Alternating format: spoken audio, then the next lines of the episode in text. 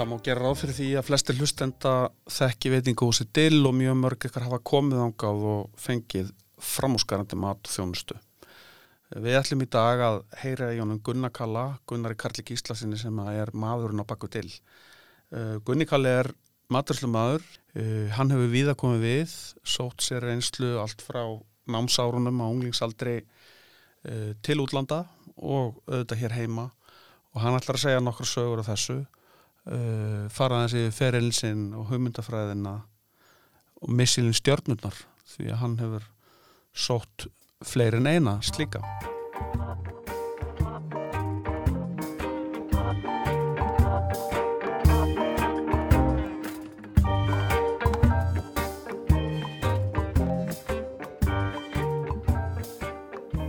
Gunnar Karl, það er loksins komið að því Nákvæmlega. Verður velkomin Hjartast þakkir og takk fyrir gott bóð. Já, við erum hérna, þetta er búið að vera löng og ströng fæðing ná saman Þetta búið að vera mjög löng fæðing og Uh, hérna, en það er komið að þessu. vö- vörðuð af, af vitleysu og mínum mistökum dagbókinu og fleira Þetta er búið að vera allavega hana.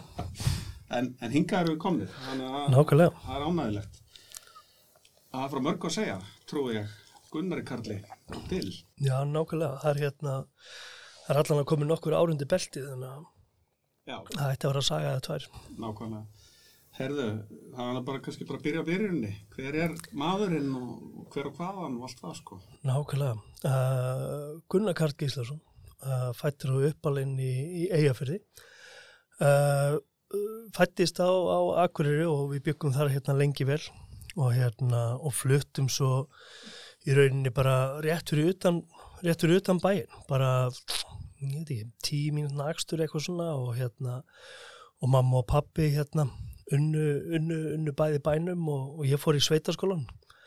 Uh, pappi fréttamaður og mamma hjúkrunarfræðingur og hérna ég fór bara í, í lögulandskóla og hérna já, það var nú ábygglega ekkert eitthvað rosalega margi krakkar þar sem að hérna þar sem að báði fóreldra voru að vinna í bænum og hérna auðvitað mikið að hérna mikið af þessu voru hérna bændur og, og þess áttar og, og þannig að maður byrjaði einhvern veginn svona strax að kannski að fá einhverjum svona einhverja hugljómanir uh, í sveitinni og hérna og ég held nú reyndar eiginlega alla mína tíði allaði nú alltaf að verða bondi en hérna það var því miður ekkert úr því.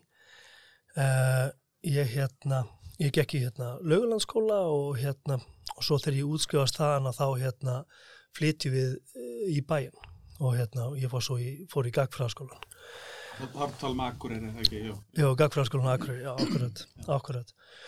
Og hérna, og bara frá því að ég var, ég man ekki, 11 ára eitthvað svona, þá fór ég alltaf í sveit á sumrin.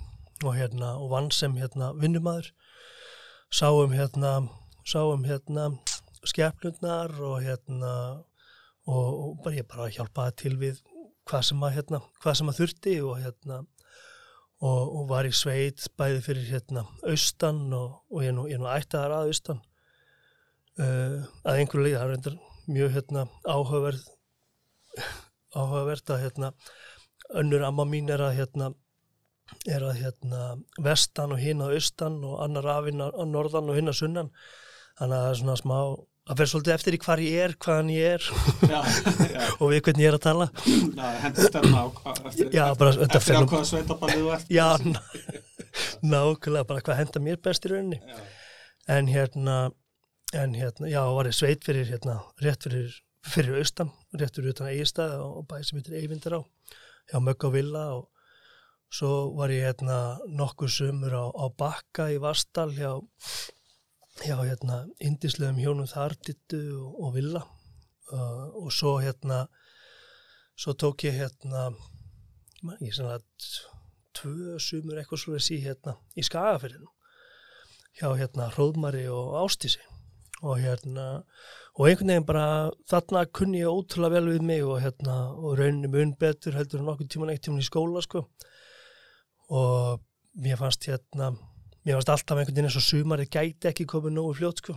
Og hérna ég var ekki fyrirbúið með, með síðasta prófið og þá var bara reikspóla í sveitina sko. Og mér var alveg sama hvort að hafa einhver, einhver hérna, einhverja skólaskemtanir eða hérna afhending engana eða hvað nú var eftir sko. Ég, hérna, ég hafði bara bókstala engan áhuga því. Mikilværi hlutna Já, bara virkilega, sko, ég var bara að taka móti einhverjum lömpum og hérna, og hérna slóðadraga og hérna passi upp á gæsittan og hvað þetta allt sem hann var sko. Mér fannst það bara mun mikilvægara heldur nokkuð tíman hérna þessi skóli sko og rauninni skildi aldrei hérna skóla og fannst hann algjör tíma og svo ég held að rauninni ekki verið fyrir að ég fór að læra kokkin að hérna að ég áttaði mig á því að hérna að þessi bók þetta bóklega nám gæti mögulega einhvern tíman gagnast mér og hérna og, og, og ekki bara það heldur komst ég að því náttúrulega, ég er því náttúrulega að læra það ef ég ætlaði einhvern útskæða sem kokkur og hérna og þá sett ég mig bara ákveðna reglur og bara ég fór bara í skólan og strax eftir skóla þá fór ég heim og lærði og, og kláraði allt sem þurfti að gera og svo fór ég og tók aukavinnum kvöldið og svo bara repeat. Og hérna og allt í hennu fór ég þá að úr því að hérna að, að við erum með alveg hérna með eindamum lélegar enganir yfir í það að, að vera bara með frábæra enganir í öllum fögum sko. Er það ekki líka bara svona kannski að því endur þetta degi að þú þart að þú veist það er alveg sama hvað þú ert að gera bara þú veist þú ert ekki, er ekki hérna eða það er ekki viljin, er ekki fyrir endi að hérna þá kemur útkomun sennilega aldrei til með að vera góð en, en á sama tíma að þú hérna lifir og brennir fyrir eitthvað ákveðið að hérna þá er mjög líklegt að hérna, þú getur plummaði heldur vel í því sko. Já, getur settið markmið og ná árangri í samræmi Nákvæmlega, það helst bara, helst bara svo mikið í hendur og, Já, Það er líka og, gömul og, gömul og ný saga bara úr skólakerfinu en sé það bara mínum eigin bönnum og viðar að það er það, það þarf alveg öruglega stokkit upp. Það sé alveg tímabært. Já, já það er svo sem ástu ábyggla allir, allir þurfa bara einhvern ákveðin grunn og allt svo lesin en ég held bara hérna, því fyrir sem að fólk átta sig á því hvaða vil gera því, því betur verður að starta ábyggla sko. Já, því, því líður þess að að gera ja, vinna vinnuna að læra fyrir sjálf sig ekki ekki, ekki eitthvað bara kerfi eða. Nei, nákvæmlega og líka bara þegar þetta er orðið eitthvað sem þú brennur fyrir sjálfur eða sjálf að þá hérna að þá kannski verður þetta aðeins minni vinna og hérna meira gaman bara. Fókusera. Já, algjörlega. Og eins og ég segja, ef, ef þú getur verið í hérna vinnu sem að er kannski einhvern veginn líka áhuga málið eitt og það sem þú brennur fyrir að hérna, þá held ég að það sé heldur góð hluskipti í, í lífinu sko. Við veitum það að það þarf ekki að drífast um það. Þú hefur brennandi á matrislu og, og, og hefur gert það þínu aðeins starfi og, og hérna bara gengið þokkalega held ég er það ekki? Svona nokkur nægir. Svo nokkur, nokkur stóðslýs og laust alltaf. Já, ég er að grínast. En, en hérna... Þó það hafi sjálfsög gengið eins. Já, já, þetta, gengið eins. Allir hafa gert mistök og eitthvað. En sko, en, en, en bara þetta, hvenar ákveður það að þú viljir verða kokkur og fara á samling og allt þetta og, og, og hvers vegna, veist, hvað, hvað var það sem að allir því? Ég hugsa að einhverju leiti hafa nú kannski bara verið almennt áhuga leysi á, á skóla en samt einhvern veginn svo pressa að þú þyrtir að vera í skóla svo kemur hérna byggjivinnu minn og hérna bendi mér á það að sýstir hans hafi tekið einhvers konar svona grundild í verkmyndaskólanum Akureyri á, á veitingasviðinu þar og hérna og það hefði bara verið hrein paradís því að hérna þau hefðu meira minna annarkvort verið að hérna þjóna til borðs eða hérna, elda mat. Og, hérna, og bóklegt, bóklegt nám hafi verið mjög lítið sama sem ekkert sko. engin heimavinn nei, nákvæmlega. Og hérna og fyrir mér hljómaði þetta náttúrulega bara sem einhvers konar paradís og hérna og við ákveðum bara stökku að þetta félagarnir og hérna fara til til að létti gegnum þann veturinn en hérna á sama tíma einhvern veginn fann ég allt í una að þarna var komið eitthvað sem ég hafði ljómandi gaman af. Og ég hafði gaman að ég að tala við kennarinn mína um það sem við vorum að gera og þú veist, okkur er maður að gera þetta svona en ekki svona og svo framvegis. Og einhvern veginn kennarinn mín sá líka að, að ég hafði gaman að þessu. Og hérna þau sá ég var í duglugur og hérna þau hérna hjálpuðu mér að, eða þær hjálpuðu mér að fá hérna vinnu á bautanum og þar fór ég að byrja að vinna auka vinna þetta með skólunum sem uppaskari þar bara líka gerðist eitthvað sko. Þar allt inni fann ég bara einhvern veginn að, að ég var komin á einhvern heimavöld sko. Hann leið mér vel. Þarna einhvern veginn voru bara allir ótrúlega hressir og skemmtilegir og það var bara hlusta á góð tónlist og, og bara svona, það var bara svona, það var bara svona, þetta var ekki byndið svo vinnustæðar einhvern veginn. Þó svo auglustlega allir hafi verið að, að vinna á fullu að hérna, en þá var samt einhvern veginn allir svona svolítið að hafa svolítið gaman á sama tíma. Og, og ég vissi það líka að ef ég væri alveg hérna með eindamum snöggur að, að þú þess að potta og pönnur og diska og hvað allt sem að vara að þá væri möguleiki á því að ég myndi hérna fá að hjálpa kokkunum við að hérna fylla á salatbarinn uh, jafnvel flippa hambúrgara eða tömur sko. Og hérna og það var einhvern veginn bara svona motiverandi og hérna og þá vann maður ennþá hraðar svo kom einhvern veginn upp á borð til mín uh, eitthvað tækifæri á að fara í einhvern hérna mál og skóla í Englandi Uh, og það án ekkert af því að mér langaði svo mikið til að læra ennsku heldur af því að það bara hýrta að þarna væri bara ótrúlega gaman að vera og það var, var einhver strönd þarna sem var dásamlega og sumrin og, og svo var þetta nú hérna svona 50-50 skóli og hérna skóla fjör. Ég sem sagt hérna uh, þurfti samt að græja nokkur hérna meðmannabrif til þess að hérna geta uh, sótt um skólan og, hérna, og ég fer og hérna, sapna þeim einhvern veginn saman og hérna, græja þessu umsókn og sækjum skólan uh, sem að ég setna svo fjekk reyndar inn í en hérna, fór aldrei í. En fór með þessar hérna, þessi meðmálabref á, á fyllarinn og akkurýri og hitti hérna Snæbjörn og, hérna, og Hjeðin Beck og, og hérna rætti við þá og þá hann reyndar ekkit ekki lausn einn staða fyrir nema okkur átt á þeim tíma. En, en þeir segðu mér að endilega hérna, ég ætti að koma reglulega og minna á mig sem og ég gerði einu sinni viku. Þángar til, til að hérna, þeir bara gáðust upp á mér og, og reyði mér held ég og, og ég byrjaði, að, byrjaði á, á, á, á samning uh, fyrsta, fyrsta mæ 94, hans er gott að byrja hérna, verknámið á fyrsta mæ það er ekki frýta verkamanna frýta verkalýsins, já. Það er nú bara þannig, það er unnið, er á veitingastöðunum á fyrsta bæ. Já, já, nákvæmlega, það er svo sannlega gert. Já, er, og, og reynda bara flesta dag. Það er ekkert breyst. Þannig að á fyrirlarunum sálega fyrir, fyrir það sem ekki vita hvað hérna, hva fyrirlarinn var, þá er það það sem að veitingastæður í strikið er núna á Akureyri. Já, akkurat og hérna... Hérna. sem hún á hún hérna hepa, vinkuna mín og hérna og var einmitt að vinna á fyllarunum hérna á, á sama tíma. Og gott ef hún lærði ekki með sér bara á fyllarunum við þórum samt ekki alveg að fara með það. Nei. en hérna við unnum allan saman á fyllarunum og hérna og hún er núna hérna eigandinn á samt, samt manninu sínum. Einmitt. og þar var hérna þar var ótrúlega gott að vera sko og þar tók ég hérna mitt hérna fjara ára nám og hérna lærði hérna lærði bara ótrúlega mikið um margt sko og, og jápil um margt. Ekki bara veginn ekki bara úrst hvernig ég ætti að steikja fisk eða, eða grilla kjöt heldur bara uh, alls konar hluti um hérna skipulag og þrif og hvað þetta allt saman heitir. Og bara einhvern veginn snæpun var bara einhvern veginn þannig típa hérna fyrir honum var bara ekkert nóg að hérna að við myndum koma ágætið smat út til eldúsinu heldur hérna þurfti eldúsið að vera yfirleitt alltaf tölverið treytna heldur en heimiliðitt og, mm. og hérna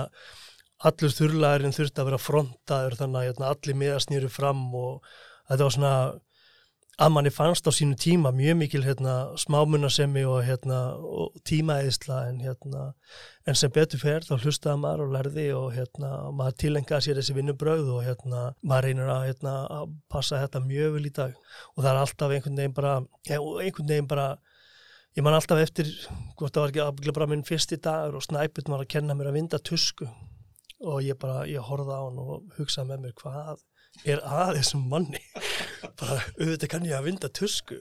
En hann aði bara svona sína sína svona eigin hérna, aðferð á því hvernig tuska skildi hérna, þrifinn og hvernig, hvernig maður ætti að vinda hana og svo frammeir og hérna og maður lærið það bara og gerði það og ég gerði það gerir það bara nákvæmlega þannig enn þann dag í dag og, og, hérna, og hugsa hreinlega um hann í hvert einasta skipti sem ég viti tusku kannski ekki alveg hvert einasta skipti en, en mjög oft þannig að, hérna, þannig að ég hugsa oft til hans og, hérna, og hlít Skiljanlega, frábá maður Já, algjörlega og uh, svo skólinn þá ferðu vantalega söðu tryggjagur í skóla hlutan á þessum tíma, eða ekki? Eða? Jú, já, ég tók hérna, þá var þetta sko, þetta fyrsta ár sem ég tók í verkmyndaskólanum var hérna metið sem hérna fyrsta önn, en þannig að ég fór hérna tvær annir, tók hérna annan bekk og, og þriðja bekk í skólanum hér og hérna, og útskrifaðist svo hérna 98 Já, og hérna, þetta gekk allt saman bara príðis vel klifana. og hérna, og einhvern veginn var líka,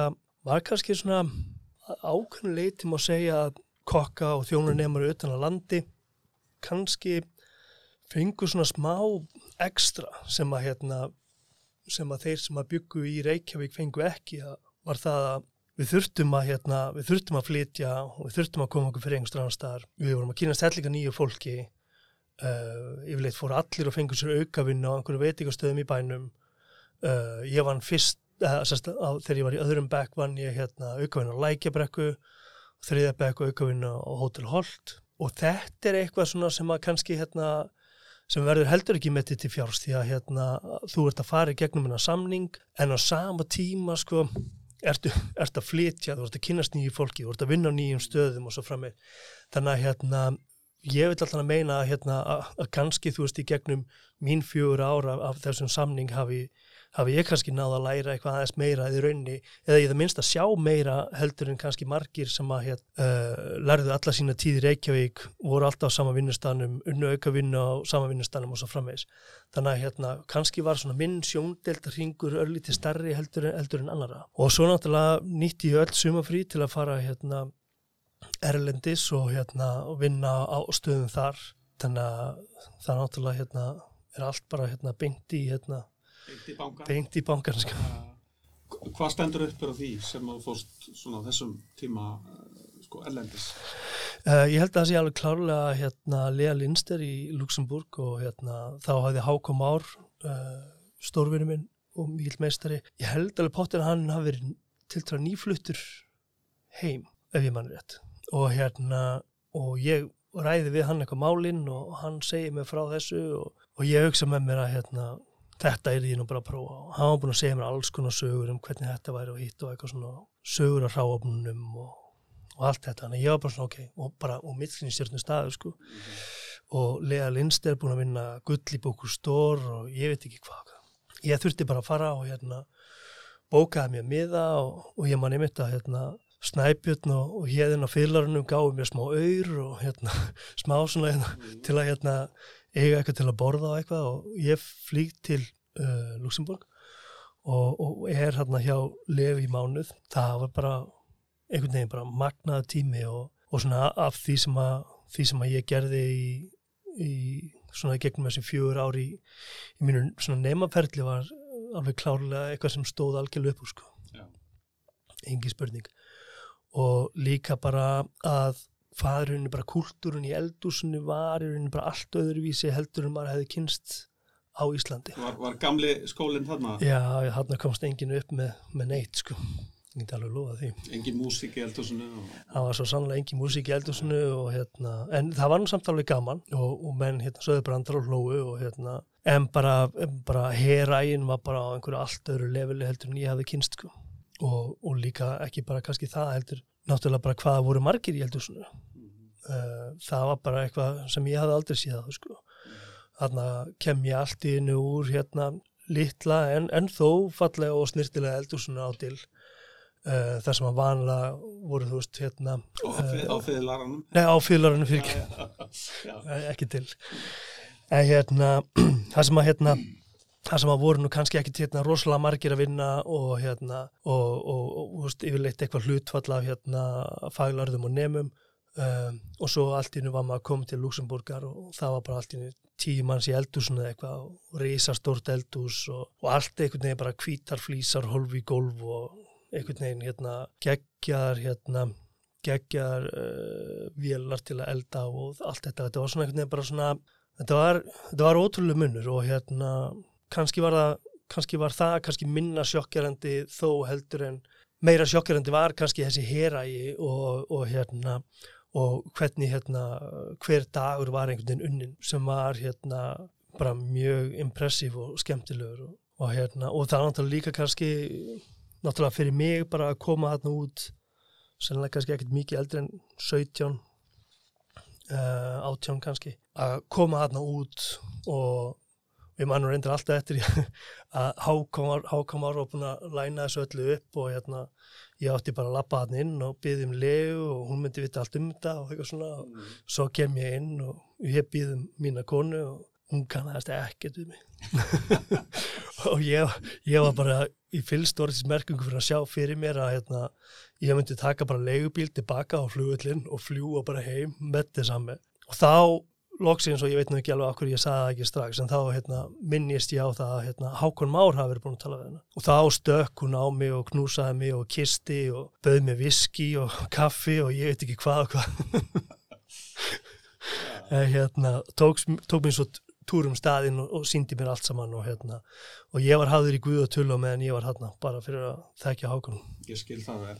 Að borga sig að þekka rétt að fólk að borga sig að þekka Hákon það er alveg klart sko fleira eitthvað svona á þessum árum eða er það kannski eftir að útskrifast ég veit þú varst í Danmörku, var það eftir útskrift eða?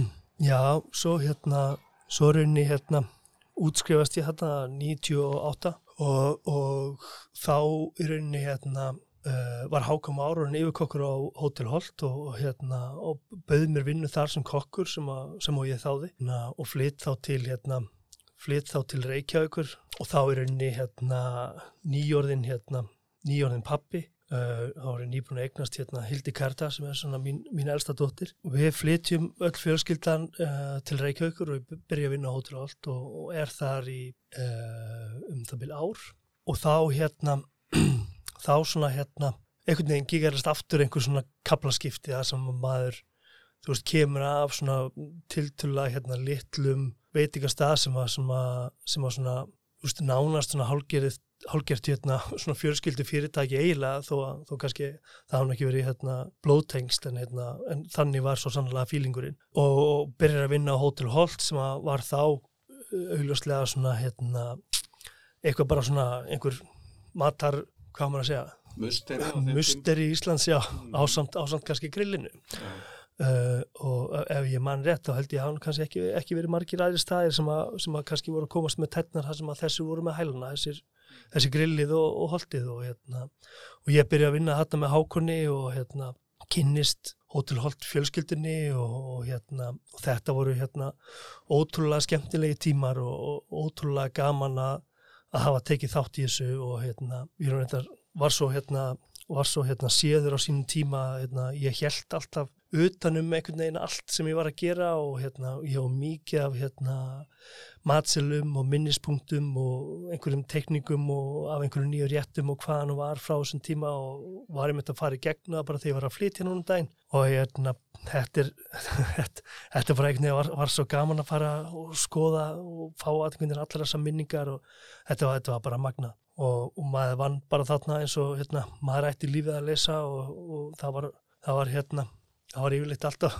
brjálað að gera og, og þarna var ég líka með hérna, ótrúlegum fjölda af, af bara mög, mögnuðum fagmönnum alveg sama hvort að það var uh, fólkið í hérna, eldusnu eða salnum. Ég held reyndar sko hvorki fyrir ég setna hafi jafn mikil sko elita af, af þjónum unnið saman sko. Það var oflangur listi til að fara að tellja upp en hérna hver á henni einasti hérna voru einhvern veginn bara svona legendary menn í, í sínu fæi og hérna og, og það var einhvern veginn líka eitthvað sem að, hérna, var ótrúlega gafan að sjá. Og ég vinn á, á Hotel Holt í ár. Alltaf draumur og var alltaf sá að hérna, ég ætlaði að flytja út uh, hvert sem að það var. Ég var ekkert með einhverja sérstaklegar áallanur um, um, um land eða borg uh, en bara það ég ætlaði að fara elendis og ég vildi vinna bara með sem, hérna, með sem bestu kokkunum og bestu stuðunum og, og svo framvegs og, og eitt góðan við þetta kemur hérna Jens Peter Kolbeck frá, frá Danmörku og, og hérna, er að borða hjá okkur á holdinu og kemur síðan setni meirinn í eldús og spjallar við okkur og hérna, heiminlífandi með hérna, máltíðin á það allt saman og skýlur eftir nafnspjald og leitur okkur vita hérna, ef að hérna einhver var einhvern tíma að leita vinnu þá bara ættu við endilega að hafa samband. Og ég fór náttúrulega auðvitað bara heim og sendur um e-mail. Og hérna og fjækt bara að vinna með þetta saman og, og svo svona eftir að, eftir að það var allt saman klappað og klárt og fór ég og saði þá er endi kornu minni frá þessu sem var leiska sér ekki alveg að vera átt á mér. En hérna ég er allan að flytja út og, og byrja að vinna á hérna á uh, Kristís með Jens Bitter Kolbeck uh, árið uh, 2000 þá er maður náttúrulega bara einhvern veginn komin út í, í sveit einhverstar í söður í Ótlandi og, hérna, og ég bjó bara í einhverju bakhúsi þarna og maður fór eiginlega ekki neitt og ég var ekki með bíl og þetta var, þetta var svona svolítið svona svolítið sérstætt situation en hérna en á sama tíma uh, bara magnað og vinna með Jens Peter Kolbeck er náttúrulega það er bara held ég ábyggleikur svona forréttindi út af fyrir sig og hérna Greiðalega flinkur Já, veist, og hann er náttúrulega bara einhvers konar hérna guðfæður danska eldúsins ef, ef svo má segja sko. Uh, í það minnsta sko veist, á þessum tíma, þannig kringum 2000 og þar á undan uh, hefðu held ég ábyggla svona allir helstu veitingastæði Danmarku voru klassíski franskir.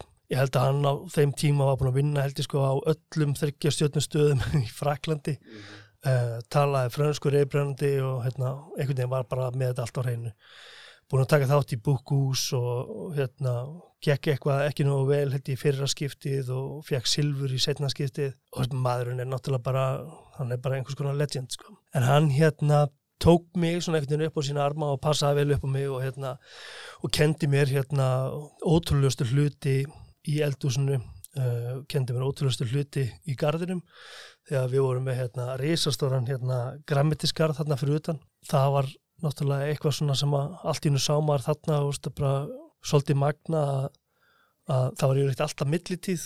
Þannig að maður kom sko snemma og undirbjó hátið og kvöld kerið svo hátiðiskeisluna og svo fór maður heim og, og laðið sig eða horfði á sjónarpið eða hvað það vildi gera. Svo hérna, svo kom maður aftur og, og hérna borðaði staffumat allir saman og svo tekinn kvöldgeinsla og þá var allt í norðu þannig að maður fór heim í millitíð með litla körfu og, og svo og leiðinu tilbaka þá týndi maður alls konar hérna jörtir og gremmeti og hvað þú þurftir fyrir hérna kvöldið og, og þetta var hérna fyrir mér var þetta bara svona einhvers konar hérna paradís sem að hérna, sem að hérna byrtist sko. Og þá var hann ekki að skemma fyrir að, að Jens Pítur átti hérna hund sem héttur Rocky og og ég sérst bjó í bakhúsi við Jens Pítur sko.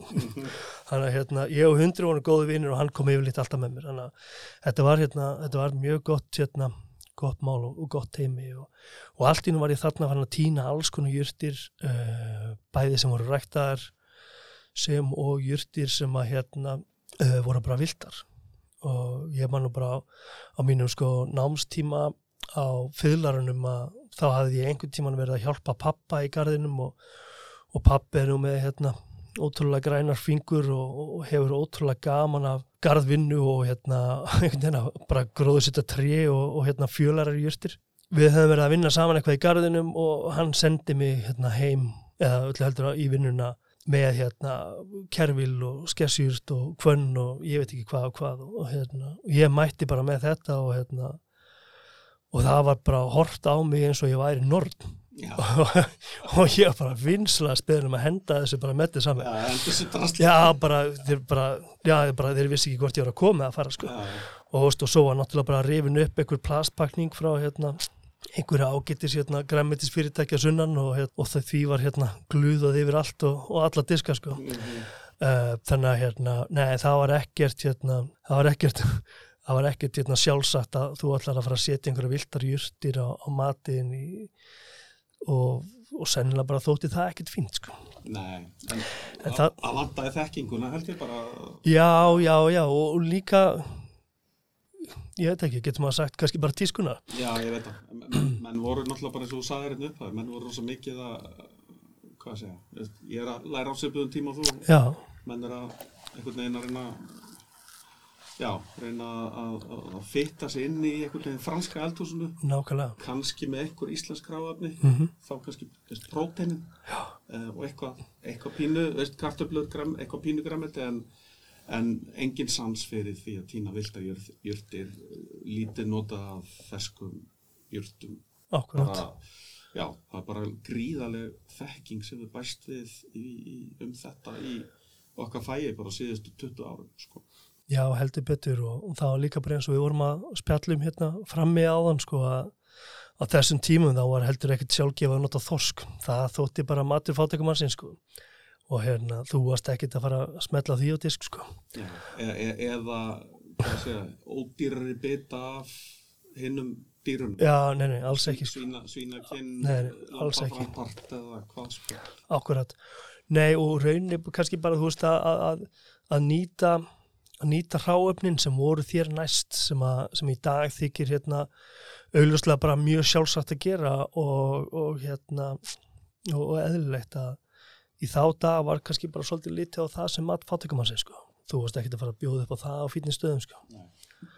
eða, veist, eða, eða þessuna sennilega heima hjá það sko. Já, Ég held að það sama hafa alveg gilt þar og ég man alveg eftir ömmu, ömmu tala um það sko að þegar hérna fína fólki kom í kaffi sko þá var rífum fram hérna innflutt sulta sko Já. í staðan fyrir hérna rappa bara sultuna vestan sko. Það, hérna, það var bara þannig. En allan að ég vann hérna 2000-2001 á, á, á, á Kristís með hérna Jens Peter Kolbeck og, og svo svona eftir, eftir hérna árstvöl í sveitinni sem var hérna sem var krefjandi ef ég á að segja alveg svo er að hérna þá var ég hérna alveg tilbúin í það að fara að flytja til hérna Kaupanahafnar og komast í borgina og, og þar voru líka veist, fleiri, fleiri staðir sem að einhvern veginn heilluðu og, og svo framvegis ég settist niður og, og talaði við Jens Píter hann ringdi hérna vinsin Ervin Látebeck á Sesson og honum vandaði menn þannig að ég mátti fara þangað í pröfu og, og ég tók lestina og hitti Ervin og það er kannski svona einhver svona fundur sem ég mun seint gleyma sko því að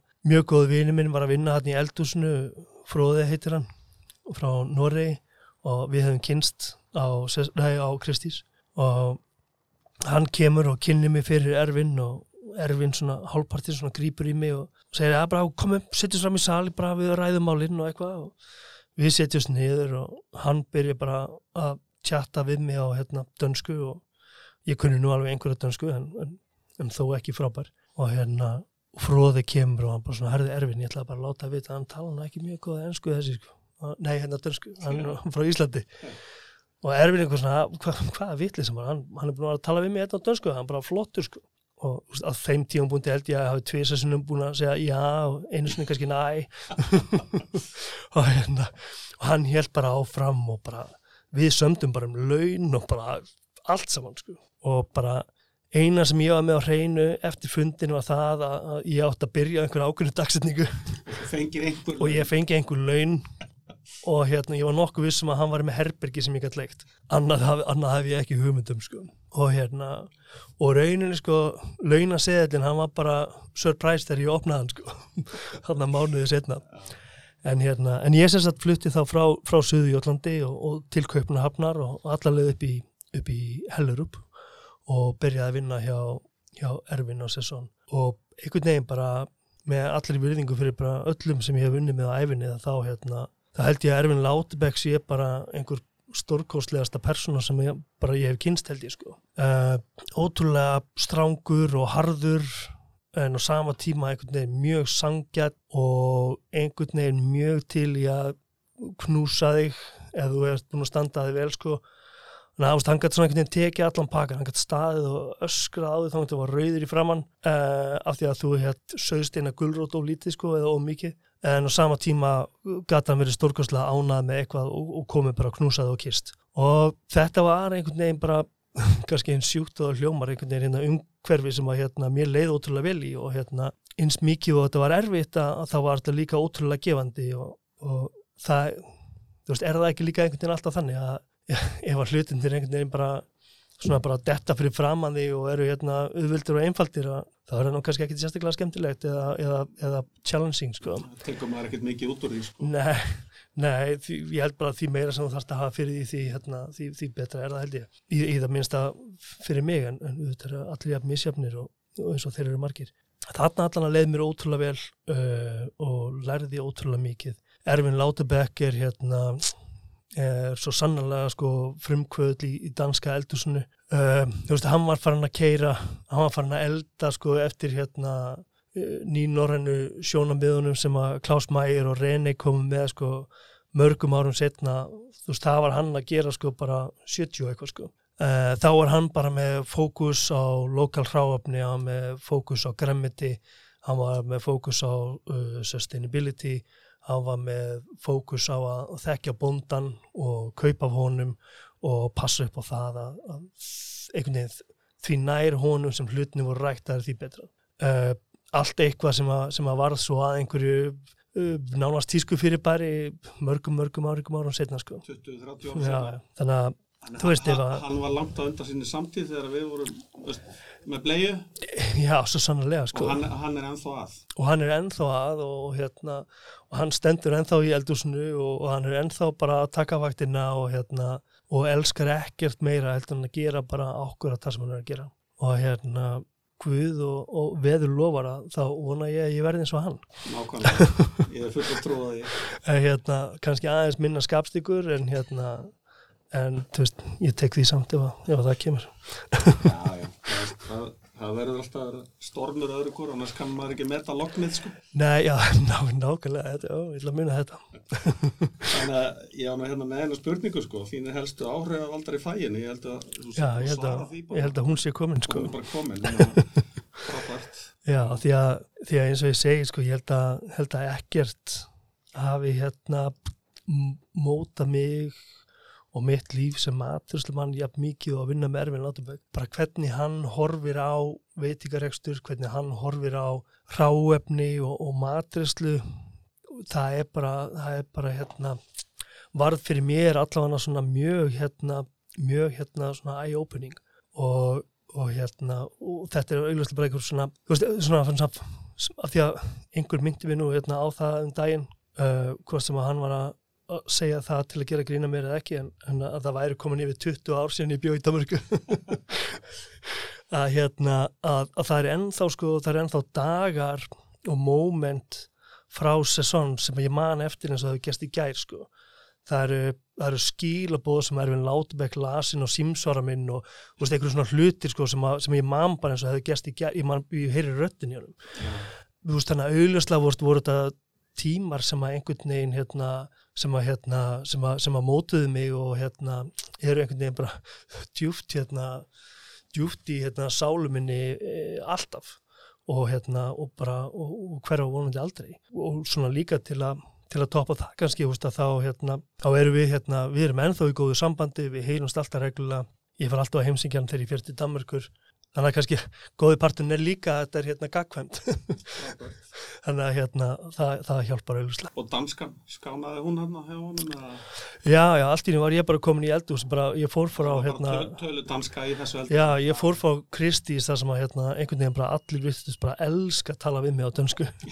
Og jafnvel þó ég svaraði á dönsku, nei á ensku fyrir ekki og jafnvel þó ég svaraði á dönsku að hérna, þá heldur þau bara áfram á ensku þannig að hérna, ég fekk lítið að læra dönsku þar en, en svo þegar ég byrjaði að vinna á, á sessóna þá hérna, þá bara einhvern veginn voru bara allir á dönsku og, hérna, og ég lærði dönsku bara á mánuður einlega sko. Ná, nákvæmlega, ekki það, auðvitað það var maður með grunn og eitthvað svona sko, en þegar að koma að því að maður þyrst að tala hann á dagstælega og maður fljótur hann á henni. Þannig. Svo kemur heim, veit ég, uh, og, og hérna, ég ætla, Nei, ég ætla, nefnilega ekki sko. Nei, ekki strax, nei. Já, ég reyndar, ég reyndar kom heim í páskafrí. Ég kom heim í páskafrí og, hérna, og þá var ég nú hérna, þá var ég svona tilbúin til að,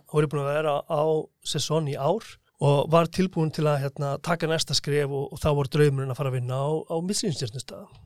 Þá fannst mér ég svona að vera búin að byggja það einhvern veginn upp, bara einhvern veginn frá fyðlarunum, Hotel Holt, Kristís, Sesson, Veist, nú hlýtt ég að vera að koma með góðan grunn og, og bara þekkingu og annað til þess að fara að vinna á mittlinsstjörnustad. Og hérna félagi minn reynda bara ringir í mig einhvern veginn á sama tíma hérna, segir mér að hann, þá var hann að vinna á veitingastað sem heitir Kommandanten sem á sínu tíma var tveggjamilsinsjöndustæðar í Kaupanhörfn og, og, og þessum tíma eini tveggjasjöndustæðarinn í Danmarku og, og reyni einn af held ég þremur í öllu Norðurlöndunum með tvær stjórnur og hérna, hann var búin að vera að vinna þarna þessi félagi minn uh, og hann var að hætta og var að spurja hvort að ég hefði áhuga að koma í pröfu þá gett hann hérna mælt með mér við yfirkokkin og ég gæti hérna, þú veist bara komið sínt mig og sannað og hérna mögulega fengi vinnu. Ég fer sem sagt og er um það bíl að fara í páskafrí og, og daginn áður að, þá hérna uh, fresta ég ferðinu um einn dag þannig ég gæti farið í þessa pröfu og ég fer á kommandanten uh, þá var hérna Mikkel Morbjörg var hérna yfirkokkur þar og, og hérna ég fer í þessa pröfu og teg bara eitt dag og þeir sögðu bara já, bara þeim lítist bara vel á mig og þeim myndi hafa samband ef, að, hérna, ef ég fengi vinnu og svona. Daginn eftir flý ég svo bara til Íslands í hérna páskafrí þá hafði ég reynda líka stuttu setna verið búin að senda á hérna Gordon Ramsay og sækja um hjá honum og þá var hann til til nýbúin að opna Aubergine og, og ég bara rétt lendur á Íslandi og þá ringir hann. Þá var hann á þeim tíma sem hann ekki ringdi sjálfur í því sko. Uh, og hann ekki komið fólki í þetta og hérna við spjöldluðum hellingi saman og hérna og hann var endur alveg með bara til dæla freistandi tilbúð uh, var með hérna herbergi með baðherbyggi sem ég gæti fengið og það voru ágætislaun og íbúðin ekki, eða herbyggi ekki langt frá vinnunni og eitthvað svona. Þannig að það var, einstaklega freistandi en, en svo daginn eftir það ringdiði í mig frá kommandanten og hérna buðið mig vinnu þar og þú veist, laun og annað var svo sem allt saman einhvern veginn svipað en munurum að svo þá kannski sá að ég var með íbúð og, og sem var tilbúin og beðminn í köpnahöfn þannig að ég hugsaði með mér að, hérna, að það væri nú bara allir skott að fara að þanga. Báði staðnir voru með tvær stjórnir á þessum tíma og hérna, ég bara stökk á það og, hérna, og sérindra alls ekkert eftir því því að, því að ég átti, hérna, átti rauninni alveg bara mögnuð ár á kommandantin að vinna með, með Mikkel Mórbjörg var hérna eitthvað annað og, og það var líka svona svolítið allt öðruvísi að því að þá var ég náttúrulega búin að vera að vinna síðustu tvö ár annars vegar með Jens Pítur Kolbæk og hins var Ervin Lauterbæk sem báðir voru, þú veist ég ekki að segja gamli menn en, en svona aðeins eldri í þeim Já og þarna var ég svo allt ína fann að vinna með Mikkel Mórbjörg sem er bara nokkur árum eldri en ég. Og þarna var bara líka verið að gera kannski svolítið öðruvísi mat uh, og það var annar standard einhvern veginn á öllu. Og, og þarna lærði maður líka að, að hérna, bara kannski einhvern veginn hennar mun frá því að vera að vinna á stað sem er með hérna, gegjaða mat en kannski einhver stjórnu yfir það að vera á stað sem að, úst, er með tvær stjórnur og þar einhvern veginn læri maður líka munin eða sérst, læri maður kannski meira hvað maður segja, úst, hvar liggur munurinn Já, þessi, uh, þessi, þessi smáatriði sem að... Já, þú veist, okkur er, er þessi stað með, þú veist, stjórnin ekki þessi, skilur. Ábyggla bara mjög margir bara gera sér enga veginn grein fyrir af hverju. Uh, en ef þú ert einhvern veginn búin að vinna á þetta mörgum stöðum og einhvern veginn aflæðir uh, reynslu og svo ert allt ínum komin á stað sem er komið með tvær stjórnur og þú fyrir að fylgjast með öllum þessum smáatriðum en ekki bara eftir þú veist að horfa á eitthvað disk sem að er bara með hérna nautasteik og þú veist sveppum og sósu eða hvað hann nú er. Uh, heldur veistu hvað er ekki á bakvið þessa nautalund svepp og sósu uh, sem er alltaf einhvern veginn bara miklu meira heldur en hérna En það sem auðvitað sér við fyrstu sín Akkurat sko, þú veist það er svona meira þú veist bara hvað hva liggur þarna bakvið og, og þarna fóð maður ekki að, átta sig á því hérna uh, hvar, hérna, hvar munur liggur og hvaðan þú veist í rauninni gæðin koma. Uh, auðvitað á öllum þessum stöðum þú veist sem ég hef unnið á bara frá fyrirlarunum og, og þá getur núna hef einhvern veginn allt sem hann verið meira á þetta staðir. En það er alltaf einhvern veginn einhvern veginn mikil, mikil munur uh, og þá kannski ekki síst á því bara hvaðan ráefni kemur og hérna og, og hvað þú svo gerir við það. Og ég man einhvern veginn alltaf eftir því að einhvern tíman þá hérna þá hafði miklu mórbyrg þetta var bara, gott þetta var ekki bara bara, veist, fyrst í dagar minn eða annar eða eitthvað svona og þá var ég bara svona að gera alls konar tilfallandi verkefni og var ekkert komin einn á stöð eða neitt svona. Uh, mikil mér um að taka, þú veist, einhverjar nokkra gullrættur, sellirót, hitt og þetta mm. og, og mér um að hérna uh, skera þetta allt saman niður. Og ég bara, já, bara ekkert mál bara hvaða stærðir eru að tala um? Og hann er bara, já, bara, þú veist, svona bara litla, þú veist, svona teininga bara svona brún og ass og ég bara, ekkert mál félagi. það er bara svo fer ég yfir í undirbúningseldusið og hérna næ allt þetta græmmetti maður skræl þetta, þræfi þetta og byrja svo bara að skera þetta niður í hérna fullkomnu fullkomnu brúnu aðstæninga annað eins hefur sennilega bara ekki sérst í Danmark og hvorki fyrir nýja síðar. Og svo hérna er ég bara með þetta allt saman í sikkurum dallinum nákvæmlega mikið af öllu og svo framvegis. Fer með þetta yfir í hérna keisleldus til Mikkels og hérna réttanum þetta og hann bara eitthvað já ok, hann har kannski verið smá miskilingur hérna og ég bara nú, byrju hvað? Hann, ég er bara að fara að gruggrinsa segði með þessu sko. og svo bara er hann með skál með eggjakvítum gluður þessu bara öllu hann onni og, og svo onni í pottin og byrja bara að gruggrinsa og hann er svona nýbyrjar gruggrensa þá lappa inn hérna bladamenn frá smá behag sem á þeim tíma var, þú veist, algjör svona legendary blað og, og þar var sko aðal veitingahúsa gaggrinandinn og þeir lappa hann inn og, og höfðu verið að borða tveimu kvöldum áður og voru bara komni til að taka myndir. Og svo lítar hann í pottin og horfa á svo brún og aðstæninga og, og segja svo um mikil bara uh, eru þið ekki bara gruggrinsa hérna? Og hann svona glottir til þeirra og segir já, svona er þetta að tekja sinni stöðum. Já, smáatriðin. þetta er smáatriðin en hérna, þó svo að hérna, við erum svo sem aldrei gert þetta aftur að hérna, en þá er það samt smáatriðin og hérna, hvað segja þér, er ekki bara þetta er allt í smáatriðin og hérna en svo er náttúrulega heldur ekkert nóg að vera með smáatriðin á hreinu í dag en ekki morgun sko, því að, því að eða, þetta er svona hreinu kannski balans á milli þess að tvekja atriða. Það eru smáatriðin, stamina og svo bara konsistens bara, þú þarf bara að vera jafn góður allar dagar sko og það er bara algjörlega tilgangslust að vera frábær einn daginn að þú ert ekki nógu góður þann næsta. Uh, þeir óskum einfallega að sjá í gegnum það og þeir koma oftar en einu sinni, þeir koma oftar en tvísvar og hér, þú þarf bara að vera með þetta á hreinu. Og sama gildir bara með, með matseluna, það er bara, það er bara nóg að vera með ólsegt kjöt í aðrétt. Þá er bara, þá er bara stjarnar farin, sko. Og svo þarf þetta að þróa þig á milli ára, þú getur ekki staðnað og algjörlega, algjörlega. Algjörlega. Ég staldra allan við hérna í, í góðan tíma á, á komandantinn og, og svo svona undir lokin þá hérna hættir yfirkokkurinn Mikkel og, og hérna og hans hægri hönd Jens Vestegård og þeir fara að opna sin eigin stað sem heitir Ensemble og ég fór reyndar til Íslands í einhver tíma uh, og fór svo aftur út til þeirra og var með það með ensemble í smá tíma. Þú veist þannig að borturlegin ekkert hægt að segja ég hafi unniðar en þeim vantaði mann til að brúa eitthvað bíl og, og ég fór og hjálpaði þeim þann tíma. En, en annars, annars flutti ég svo bara heim til hérna, flutti ég svo heim til Íslands og hérna fór að vera að vinna með, með Sigga Hall. Já, á hérna á Óðunsvíum Óðursvíðum, já. Já, Hvað varstu lengi þar? það er góð spurning. Eh, ég held að það hafi verið tvö ár 2003 til 2005 og ef, að, ef að einhvers þar var ljúft að vinna þá var það nú þar. Og hérna og indislegt að vinna bæði fyrir hérna, bæði fyrir Sigga og, og Sölu. Og hérna og það var einhvern veginn svona erfitt að átta sig á því sko hvar hvar hérna hvar, hvar skiljum voru sko hvar, hvar, hann, hvar hann endaði hún byrjaði og svona með sko. Já, já, já, og, og vinna og fjölskyld og allt þetta. Já, nákvæmlega sko, ég hafði bara verður ekki betra sko. Og hérna, og einhvern veginn bara líka þetta, veginn að, hérna, kynnast hérna, kynnast börnunum þeirra og, og þau að kynnast börnunum mínum og, hérna, og við vorum alltaf hérna, alltaf velkomin í, í heimsórn á frítum og, og ég tók nú hérna Hildikartars dótti mína bara mjög oft með í vinnuna svona, þú veist ekki heilu og hálfu dagana en hérna, ef maður þurfti að brúa eitthvað bíl þá komum bara með og annarkvort Siggi eða Svala sáu bara um hana og og hérna og, ég, og maður vann sjálfur á meðan og, og þau tóku hérna tóku um og afa engstrein og skristuðu þetta bara þetta bara hefði ekki getið að vera betra sko. En hérna, en svo tveimur ánum setna þá hérna, þá ringir Hákom ára aftur og hérna og við, þá var hann komin upp á Söðurlandsbrönd.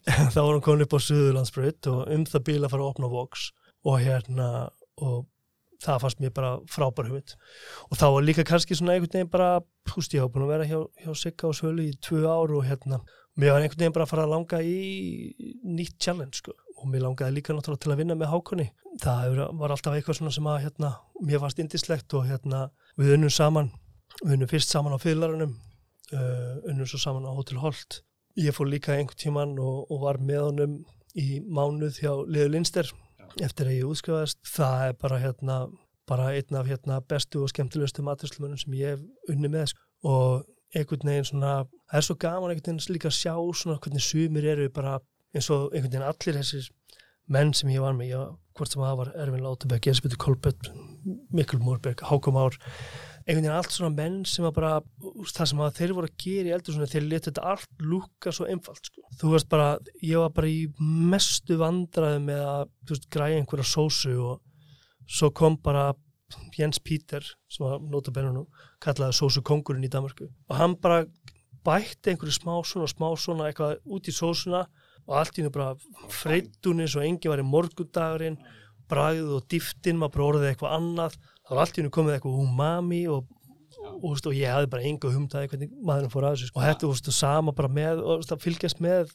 svona einhvern veginn þessum góðum maturslumönnum, það er hérna það er einhvern veginn bara unnun og maður skilur einhvern veginn ekkert bara í því hvernig það var að þessu sko. Hákon er einmitt svona. Já, svo sannlega að maður borða hjá hann maturinn hans lítur alltaf út fyrir að það er einfaldur en það er, er slatta að vinna Já, og, já. og þekkingu hérna Já, bak já, sko. það er, hérna, það er eitthvað mjög djúpt, djúpt á bak við þetta sko. Já, það er engin spurning sko. en það var líka einhvern veginn gaman að koma á, koma á Vox og, og það var kannski þú veist, þú veist líka kannski stór partur ástæðan fyrir því að ég vildi fara þangað bara það að koma og prófa allt í einu að vinna á ristórum stað uh, eitthvað sem ég hafði bara aldrei gert sko.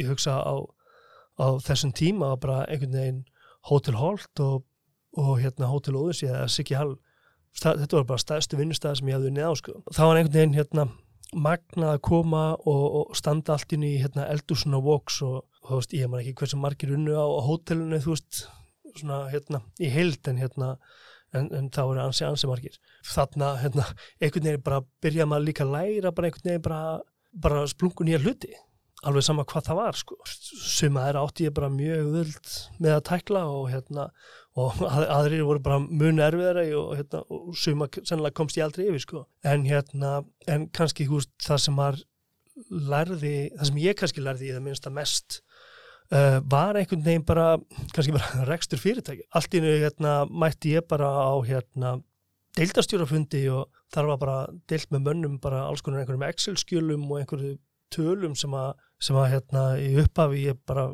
ég bara vissi ekki bara að þetta var bara eins og sko kynverska fyrir mér sko. Og hérna og þarna byrjaði maður bara að læra, læra þessa hluti og hérna og, og svo náttúrulega mjög hratt og örglega var maður komin inn í allar þessar tölur og þessi skjöl og maður vissi uh, einhvern veginn ótrúlega vel að hverju þú varst að vinna að. Og það var svo sannlega kannski skóli sem að hérna sem að, sem að fyrir það fyrsta kannski mér vantaði svo sannlega uh, en líka bara einhvern veginn skóli sem að hérna hefur svo sannlega komið mjög vel. Og hérna og, og einni lærið maður hann náttúrulega líka einhvern veginn bara samskipti við að þurfa eiga samskipti við hérna ótrúlega marg, uh, marga deildastjóra og hótelstjóra eigendur stjórnar meðlimi og svo framvegi sko Þetta er stór Þetta fyrirtæki er náttúrulega bara stór fyrirtæki sko. Æsland er eða var það og, Já, nákvæmlega. og, já, já, og það er allt annað kultúr Já, já, bara, þú, þú þarft að gera miklu fyrir ánaða heldur en bara staffið í kringuð í eldhúsinu og gestina já, svo sannarlega sko. Og þarna þarftu svona hérna bara einhvern veginn að hérna fara svolítið vítt og breytt og hérna og taki margar hendur og, og, og, reyna að passa það að gera fólk ánægt. Það var svo sem alveg bara eitthvað sem að hérna, sem að, sem að lærðist og, og, og gekk bara hérna ágætlega sko. Ég var hérna með hérna með Hákunni og, og Sigga Gísla, stóruðin okkar úr eigum og ég held að við hefum bara gert ansi gott mót og, og hérna og reyna línur er að það var gaman Frá, frábært teimi Já, nákvæmlega, nákvæmlega uh, en svo hérna, svo ringdi ég mig vinnur og hérna og ég fór og opnaði B5 já, já, ég man það núna hvað sem þú trúið því, ekki? já, já, já, já, ég man þetta núna já. Já, en, en, hérna, en það var náttúrulega svo sannarlega hérna, í, í allt annar mynd heldur en, heldur en við kannski þekkjum það í dag. Þá var þarna húsnæði sem að hérna, Elvar Aðarsteins vinni minn hafi keift og, hérna, og var að gera upp og hann opnaði svo síðan hérna, veitingastæðin B5 þarna á jarðhæðinni og var þá búin að fá hann uh, Þorvald Skúlason uh, þann mikla snilling til að til að hanna staðinn og, hérna, og setja hann upp og, og, og reka hann. Þarna voru við til að, til að byrja með ég og Gunni Tjan og, Styrmir Karls og þetta var bara það var raunin alveg bara fárunlega mikið stuð sko. Þetta var einhvern veginn til til að lítill staður og, og það var kannski svona mjög óræður nákvæmlega hvers konar staður þetta var. Hvort þetta var kaffihús eða veitingastaður eða bar eða hvað það nú var sko. Og það var bara opið í, í mat og drikk allan, allan daginn og þetta var svona alveg svona, þetta var, þetta var mikið challenge en, en skemmtilegt alveg klálega sko. Kannski svona aðeins og undan sinni samtíð. En það var hérna, það var ótrúlega gaman og þarna einhvern veginn lærði maður líka að búa til einhvern veginn mat sem að einhvern veginn ég vildi að væri sko meiri háttar en þú veist við vorum yfirleitt bara þú veist kannski einn, kannski tveir í eldusinu þannig að þú þurfti líka að finna einhvern veginn einhvern veginn einhverja ótrúlega flotta leið til þess að geta kyrt matinn uh, gert hann geggjan en, en á sama tíma geta gert hann eitt og, og, og, og ekki varst að fara að láta gestina býða ótrúlega lengi eftir tiltölu einföldu mat. Þannig að þetta var svona hérna, það var skemmtilegu tími uh, engin spurning. Upplæði var rauninni aldrei kannski að, að ég ætla að fara og, og vera þarna eitthvað hérna, rosalega lengi. Þannig að, þannig að ég var ekkert þarna rosalega lengi. En, en þó samt eitthvað eitt og hálft ár, tvö, ég man ekki alveg nákvæmlega. Já.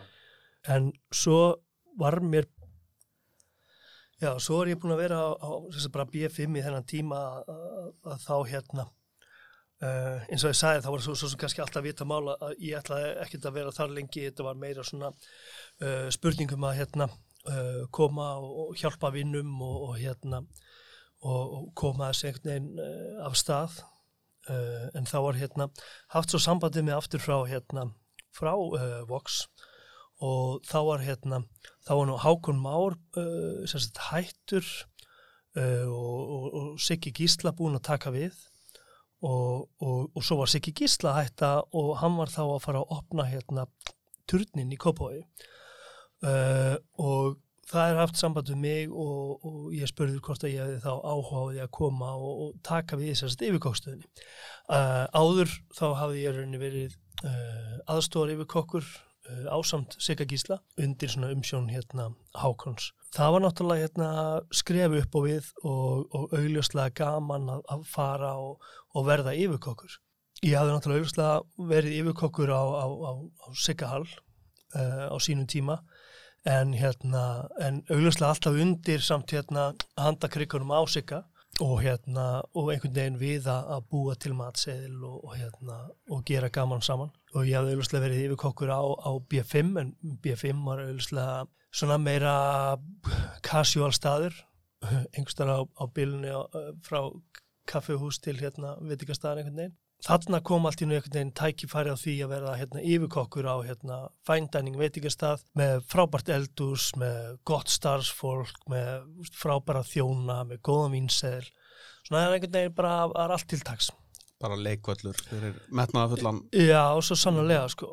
Uh, þannig að hérna ég stökk á það tækifæri og hérna og átti þar alveg bara frábæran tíma uh, með, með frábæru fólki og það liðu bara hérna einhvern veginn tímin leið og, og við vorum hérna einn tvö ár, tvö og hálft ár eitthvað svo leis þar sem að hérna ég var búin að vinna mjög náið með hérna Ólafi Erni Ólasinni uh, Kokkaflags Óla og hérna Óla, Óla sem að Óla, Óla. Óla, Óla sem að, já, með hlaðvarpi kokka flakk og, og hérna, bendum á það. Mm -hmm. mjög skemmtilegt. Frábæri þættir. Og er Gaman með, að er með hérna, tíu sopa á lögaðinum akkurat. Og fleira í pípunum. Og ímislegt í pípunum, það vantar ekki til það. Við urðum hérna miklir og, og, og góði vinnir og, hérna, og náðum að vinna einhvern veginn ótrúlega vel saman og ég held að það hefur verið á mörgu leiti uh, kannski svona okkar samband sem að sem að, sem að gerði kannski Vox á þeim tíma öðruvísi heldur en uh, marga aðra staði. Uh, og hvernig við byggum til matseðla og hvernig við unnum á svo í saminningu við uh, Óla hvernig við græðum vínin með Óla og Ölbu og hvernig við svo einhvern veginn reyndum svo að framlengja einhvern veginn eldúsið inn í salin uh, með því að, að vera með svona kokkana að taka fram einn og einn rétt og, og, og reyna að tala svolítið við gestina og, og allt þetta.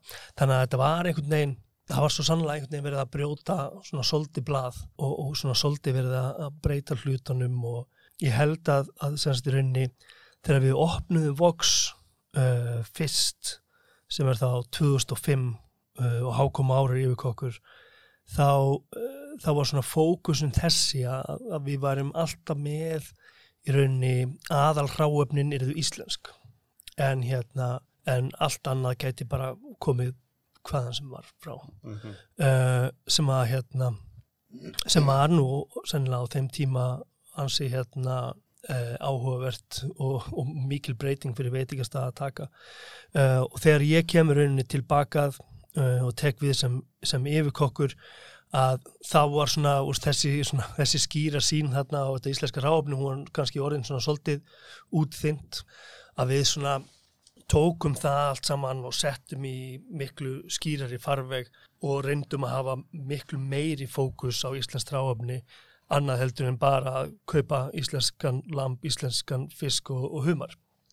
Heldur hérna var rauninni þetta þetta bara koncept bara tekið miklu lengra og, og kannski bara unnið miklu meira bara svona einhvern veginn samkvæmt svona þessu kannski þessu nýnorna manifestói sem að, sem að hérna, það var nú hérna, tildula nýlega hérna, undirskrifað mm -hmm. uh, af hérna, flottum flottum fæðalum frá öllum Norðurlöndunum uh, hákunum á þeim að með. Fyrir okkar hand, já. já.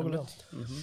Er ekki að segja að þarna svona hafið svona mótast að þessi svona kjarnin í því hvernig þú nálgast matagerðin hana eða, eða hvað? Jú, ég menna, ég held svo sem að, hérna, að það hefur samt kannski alltaf verið eitthvað sem að, sem að, sem að þú hérna, byggir upp og býr til bara í gegnum öll árin sko.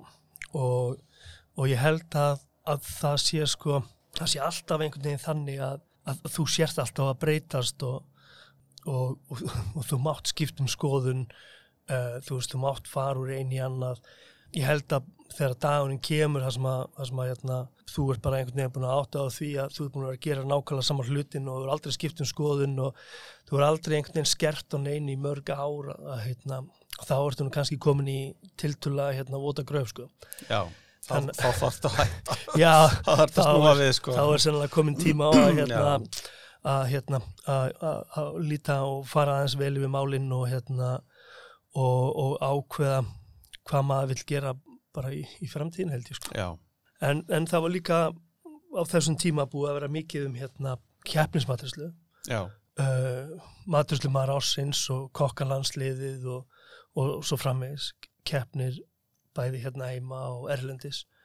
Uh, og það augljóslega einhvern veginn kendi manni ótrúlega mikið líka uh, ekki bara það sem þú varst að gera fyrir, fyrir landsliðið eða, eða, eða, eða hvaða keppnið það var heldur líka, heldur líka bara öll samskiptin sem þú áttir uh, við heina maturslumennina sjá hvað aðri voru að gera uh, fara út í heim, keppa á móti uh, löndum sem að hérna, voru kannski bara þau best í heimi sjá hvað þeir voru að gera og, og það augljóslega líka uh, byggjur upp ótrúlegan uh, háan stöðul og þú veist alveg að veist, þessi menn er ekkert bara að gera gegjaðan keppnismat og, hérna, og fara svo bara til síns heimalands og, hérna, og, byrja að sjóða kjöttbólur þetta er bara standardin á matnum það augljóslega hjálpaði manni einhvern veginn að dapna og vaksa að vera með þennan þröskuld og þú vissir hérna er skýrmarkmið, mm. þú veist, mhm. ég er á leginni þanga og hérna ekki bara við með besti veitingastæðar á Íslandi heldur, veist, allt þetta sem var búin að sjá erlendis og og svo já, þetta, þetta já. og svo tengslinn, kannski tengslanetti líka. Já, og svo náttúrulega bara kemur tengslanettið og hérna, ég var ennþá ótrúlega góða uh, vini bara, kannski sérstaklega reyndir á öllum Norrlöndunum einhvern veginn sem að hérna sem að samt var, var hérna, fólk sem í rauninni kynnist bara í gegnum landsliðið og gegnum allar þessar keppnir. Um, þú veist, bara þegar þú ert að mæti heita búrið og, og svo lappar og þú ferðu og hérna, tekur í spaðan á á hinnum liðunum og spjallar aðeins og hérna og svo bara áður en þú veist af þá, þá er þetta brornið þínir kunningjar og þeir koma að borða hjá mér og ég fyrir að borða hjá þeim og hérna svo bara, svo, svo erum við brornið vinni sko. Já, það er bara eindislegt Já, mjög Já. gefandi allt saman Svo kom nú bara svo kom, svo kom bara tíminn og hérna mér var hérna bóðið uh, húsnæði sem var einhvern veginn bara svona of gott til að vera satt sko og hérna allt of gott til að segja neyfið uh, Norranna húsið uh, að opna veitikastað í hérna, kaffeterjunni sem, sem að var þar á þeim tíma. Ég hafði farið í Norranna húsið og, og verið með hérna, litla veistlu, stóð svo þannig í salnum með hérna, þáerandi uh, fórstýra Norranna húsins og og ég var að segja hann um að hérna, þetta væri kannski bara einhvert fallegasta veitingarými sem ég hefði bara séð á Íslandi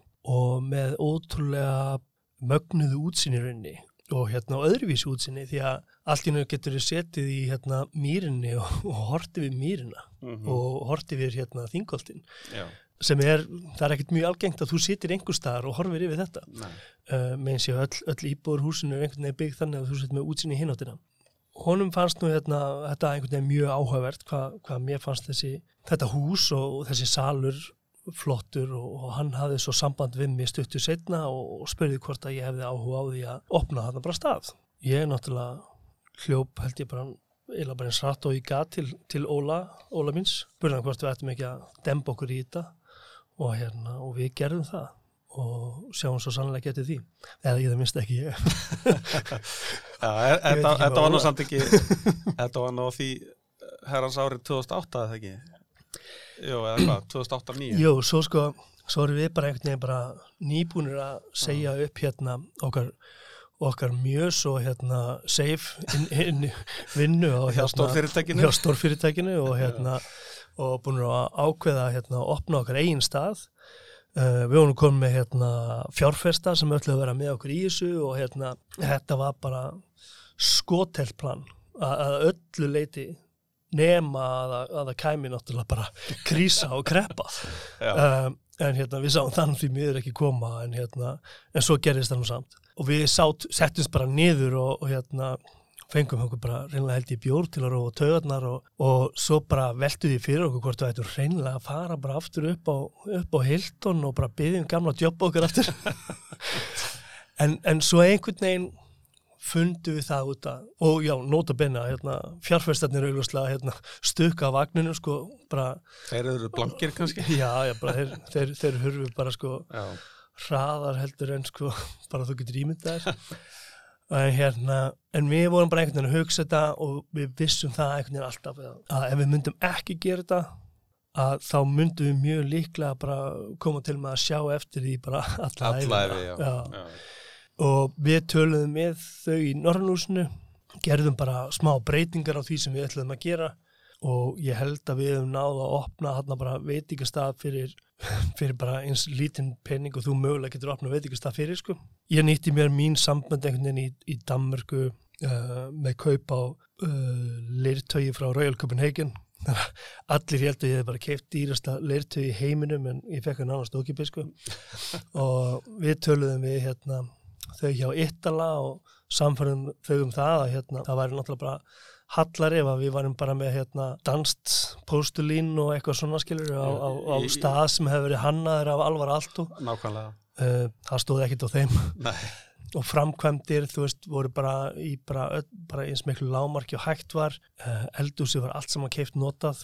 Og potur og pönnur, pískarar og sleið var allt saman keift í IKEA. Þannig að þetta var, þetta var, þetta var bara lítil í náðu við að opna þarna fyrir fárana lítinn penning og einu, tveir mennitin á launaskrá var ég og Óli. Við vorum reyndar svo pottitir af því að við þyrstum að loka að bara áður við naðum að opna hreinlega að hérna, við réðum engan í vinnu bara fyrir en að, að við vorum orðin svo þreytir að við gátum ekki meir þá fórum við að ringja einhver símtöl og, og finna góða menn til, a, til að ráði vinnu, eða menn og konur reyndar. þannig að þarna þarna raunni fæðist dill og hv- hvenær er það sem þið opnið? Eitthvað mánuði allavega það? Já, ég nú ekki sett nákvæmlega í hvaða, hérna, Nei. hvaða mánuð það var. Mér minni þetta hafi verið bara, getur ekki verið að bara byrjun 2009 actually. Já, líklegast jú.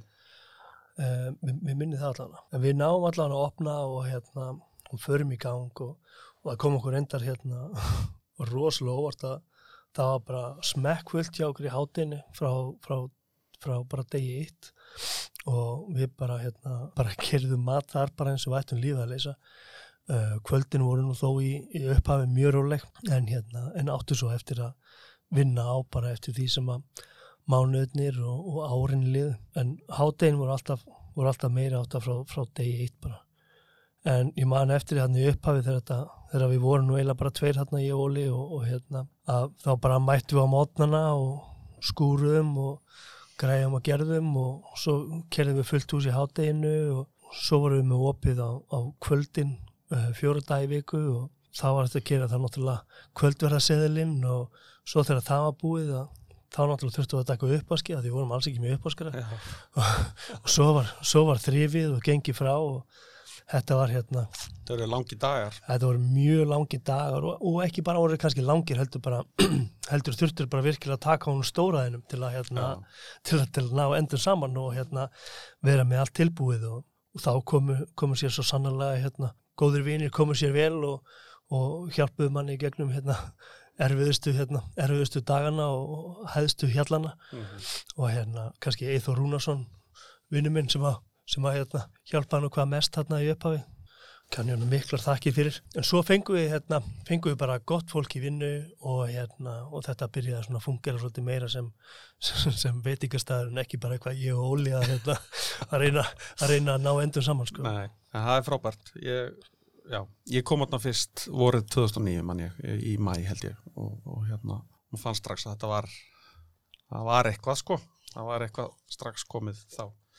sem að Já. hérna í rauninni var samt sko veist eins og við vorum að tala um áðan sko, veist, þetta með, þetta með matreisluna og þú veist og kannski ekkit endilega þú veist þú getur alveg verið með sama veitingastæðan en hann getur oft breytt um áherslur. Uh, en á sama tíma getur þú kannski breytt um áherslur en þú veit samt kannski ekkit að yfirgefa hinnar nei, áherslur nei, nei, nei. þú bara Um, tvíkar aðeins til. Já, þú tvíkar aðeins til, skerpir kannski á, á, á, á einhverjum áherslum og, hérna, og mingar aðrar eða, eða hvaða nú er sko.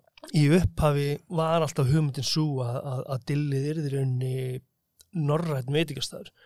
Uh, okkur fannst það bara einhvern veginn hérna, bara liggja í augum uppi því að við varum nú að flytja í norræna húsið og og þar er allar þessar norrænu skristofur og, og, og norræni kultúr og svo framvegis. Þannig að hugmyndin var að reyna alltaf að vera með uh, bara norræn hráefni. Og, hérna, og það var svo sannlega sem við gerðum í uppæði. En svo þegar, hérna, þegar krísan kemur að þá náttúrulega gerist það að öll norræn rauninni sem að voru innflut þau hækka í verði um allavega helming. Og óskup einfallega bara urðu of dýr fyrir okkur að kaupa uh, allt í nú var bara í rauninni viðskipt á hugmyndin hún bara, hún gekk ekki upp því að ráfniskostnar ára hann allt og hár. Uh, þannig að við byrjum að líti kringum okkur og, og ég komst einhvern veginn bara að því að það besta sem að, sem að við getum gert í stöðinni væri að hérna, einblýna bara meira og meira á íslensk ráfni því að þau höfðu ekki hækkað jafn mikið og þau sem er innflutt voru. Uh, og það er bara nákvæmlega sem við gerðum. En í upphafi gerðum það ekki af því að kannski af því að það var draumur okkar heldur af því að það var bara, það var bara við vorum eiginlega bara neitti til þess. Uh, það var annarkvort það eða bara loka. Við svo kerðum hérna einhverju íslensk ráöfni og ábygglega búin að gera það í ár þegar að ég einhvern veginn bara kemst að því að, að ég þarf eitthvað meira sko. Einhvern veginn bara vika sjóndeildarhingin uh, hitta einhverja fleiri bændur og búaliði Mm og, og reyna að finna eitthvað meira ráöfni því að ég, veist, mér fannst einhvern veginn bara eins og ég var búin að keira bara sama, kannski ekki endilega sama matselin, en svona sama grunn ráöfni fannst mér bara eins og ég var búin að keira það bara í hérna, heilt ár. Þannig að hérna, ég hérna, tek mér nokkra dagi frí og keiri bara hérna ringin í kringum landið. Uh, ég var búin að bóka fundi með hérna, alls konar fólki sem að ég fór og hitti og þetta fólk bendi mér svo á fleira fólk sem ég fór líka að hitti og allavega einhvern veginn hafði ég þá tilfinningunni að ég var að fara út á land og, og bara ætla að finna upp hjóli sko. uh, það verið hann eitthvað hrun það var rosalega margir sem mistu vinnuna það var mikið af ungu fólki sem fór út á land og var að gera alls konar en einhvern veginn komst ég samt að því að það var enginn að gera neitt nýtt en, en það, þú veist, kannski var það líka bara skrítið, ég veit það ekki en, en það sem ég fann og, og, og það sem ég fannst rauninni kannski mun mikilvægara var allt þetta fólk sem var í rauninni að hlúa að íslensku ráöfni og gömlum hefðum. Og þetta fannst mér mjög uh, áhugavert og gerði það að mínu markmið að til að hérna, við myndum nota meira þessum ráöfnum, við myndum segja meira af þeirra sögu og sögu af ráöfnu. Já, rauninni bara eins mikið og við bara mögulega getum. Og, veist, og það gefur alveg augulegið að, að það er kannski erfitt að, að fara bara og búa til aðrættur harfisk Já, En- já.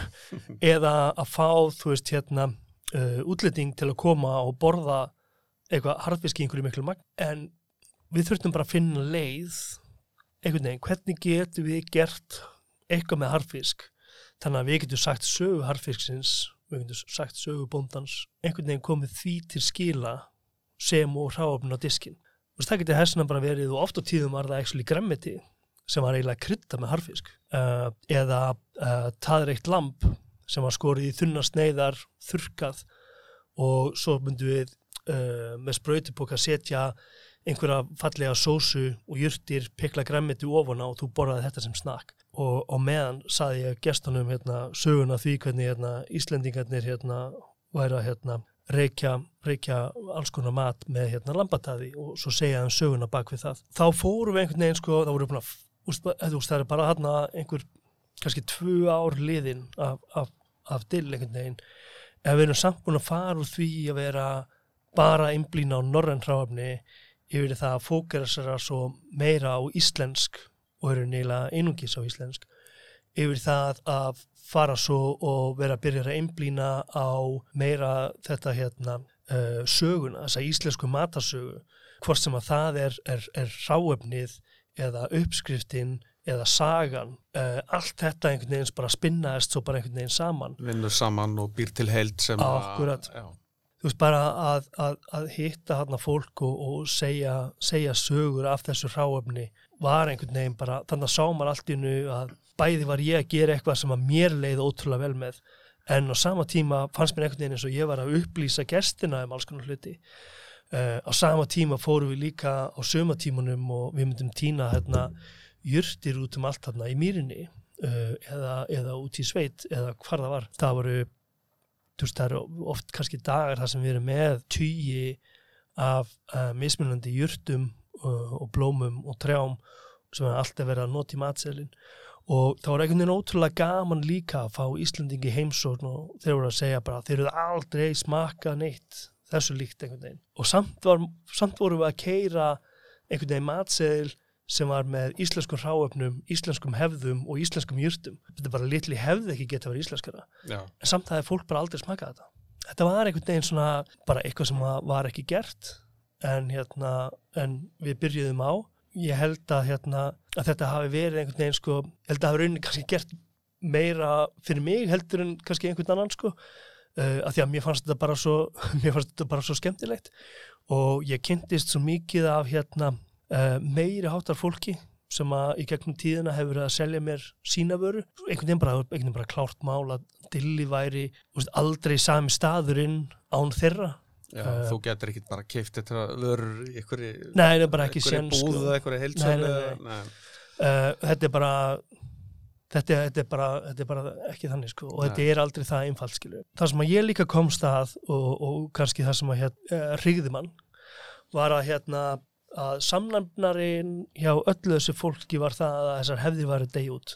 Uh, og einn daginn þá hérna sitt ég uh, með hérna Jodie Eddy vinkunum minni sem er hérna uh, matarblaða maður í, í bandaríkjunum. Hún er að hérna skrifa greinum til þið. Og við erum bara eitthvað að ræða málinn og svo getur vel verið að, að við höfum kannski fengið okkur vín og svo kannski bjór og, og svo framvegs og hérna og svo, Þannig fundur? Já, þetta var svona, já, mjög mikilvægi fundur já, já, svo bara hérna einhverjum vikun setna bara fæ ég e-mail frá henni bara og það sem hún er að spyrja hvort mér hefði verið alvara með þessa bók. Og þá rifjaðast hann upp fyrir mér að hérna, hún hefði spurt mig ef ég myndi hérna, vilja skrifa bók, hvernig bók það væri. Og ég hefði talað um að ég myndi vilja skrifa bók sem var bara algjörlega fókusar á viðtöl við þetta ágæta fólk. Og ef ég hefði fengið að ráða þá hefði sannlega bara ekki verið einar uppskriftir eða myndir frá dilðarna þetta hefði, bara, þetta hefði verið bara bók um þetta fólk. Uh -huh. uh, Ten Speed sem var gáð bókina, það var hann ekki alveg til í það þannig að ég hendi nokkrum uppskriftum en nummer 1 og 3 var þessi bók gerð og, og skrifuð uh, einhvern veginn til að íta undir uh, einhvers konar almenna kunnóttu uh, og vittnesku já, já, um, um, hérna, um þetta ráefni og þetta fólk. Einmitt. og úrvarð Norð sem já, úrvarð, ég ætla nú bara að rosa og alveg frábær. Já, takk fyrir það. Ég er búin að flytja nokkur eintök hérna við um henn, gefa, gefa hérna kollegum okkar. Já, það er gott að heyra. Ég, hérna, ég var einmitt hérna þannig svona oft túst þegar maður hérna, er að gera svona hérna, eða oft segja, hann er ekki eins og ég sé alltaf að skrifa bækur en hérna, er eins og með North er einhvern veginn svona, jú, jú, veist, bara, við hefum alltaf eintök á dillinu og hérna, við erum, seljum hana þar fyrir þá sem að vilja og svona og, og ég, ég vil gera ekkert mikið meira heldur en að opna bara einra fyrstu blasi og skrifa nafni mitt og, og, og selja hana já, já. en hérna, en svo actually settist ég um daginn að ég man, ekki- jú, jú, jú, það var einn af hérna kokkarinn minn, það vantaði uppskrift á einhverju, ég bara var hvergi að finna hana, en svo mundi ég allt í hún var í bókina, þannig ég fór og náði í bókina, fann uppskriftina og gaf hann um hana, en fór svo að fletta í bókinni og hérna, þó ég segi sjálfur frá það, bara fannst mér hún bara eldast ágætlega, sko. já, hún gerir það náttúrulega. Mjög flott. Já, það er ekki, hérna, það er, það er ekki, sjálf, það er ekki sjálfgefið. sjálfgefið sem það eru bækur eða bíómyndir eða Nákvæmlega, sko, það var svona líka hérna, kannski mitt svona, mín svona helst, mitt helsta áhugi efni þegar við vorum að gera bókina var það að þegar ég var búin að skilin öllum uppskriftum og myndum að þá leiðinast ég heilt ár áður um að gefa henn út. Mhm. og hérna ég var mjög mjög stressaður yfir því að allar þessar myndir og allar þessar uppskriftir eru mjög hallaræslegar þegar bókin kemur út. Já. en hérna það slapp fyrir hótt sla- og sleppur enn já, já, já, já, algjörlega. Algjör grís. algjörlega. Herði, já, svo, já, svo ferðu aftur til útlanda, reyni frá dillinu. já, nákvæmlega, var hérna Hvernig kom það til? mjög hérna áhugaverð ákvörðin og, og hérna en hérna einhvern veginn bara tækifæri sem að ég bara enga veginn gætt sleft sko. Það var nú sennilega dill orðið sex ára eitthvað svolítið, sjö ára jafnvel. Að þá hérna kemur allt í hennu hérna Klaus Mayer uh, einna eigundum og, og stopnandi hérna uh, Nóma í Kaupuna Og, og til fyrir, fyrir frekara útskýringa fyrir þá sem ekki þekkjan það er komið að alls konar bara tengt veitingarekstri í Danmörku, Kaupmannöfn aðalega. Já, hann er í rauninni uh, bara úst, kannski að mörgum hérna talin vera svona svolítið mikill hérna matarguð Já, Í- svona í- frö, í- frumkvæðla í- í típa. Danmörku, já. einmitt. og, og kannski svona hans saga er, er í rauninni bara algjörlega mögnuð sko og, og, og strámslega tekið er hann alltaf bara mögnuð hérna fígura sko Mhm. Uh, og það sem að hann hefur gert fyrir hérna held, held ég, vildu getum sagt sko ekki endilega bara eitthvað húst veitingalíf Danmörkur, heldur bara Nei. meira svona fyrir hinn almenna borgara Matarmenningu Já, Danmerkur, því að hann var kannski svona sá fyrsti sem var að gera hérna sjónvastætti sem voru, þú veist, ekki bara kokkar að búa til einhvern rétt, heldur bara uh, sjónvastætti sem var bara stuðluð að því að þú myndir bara borða betur.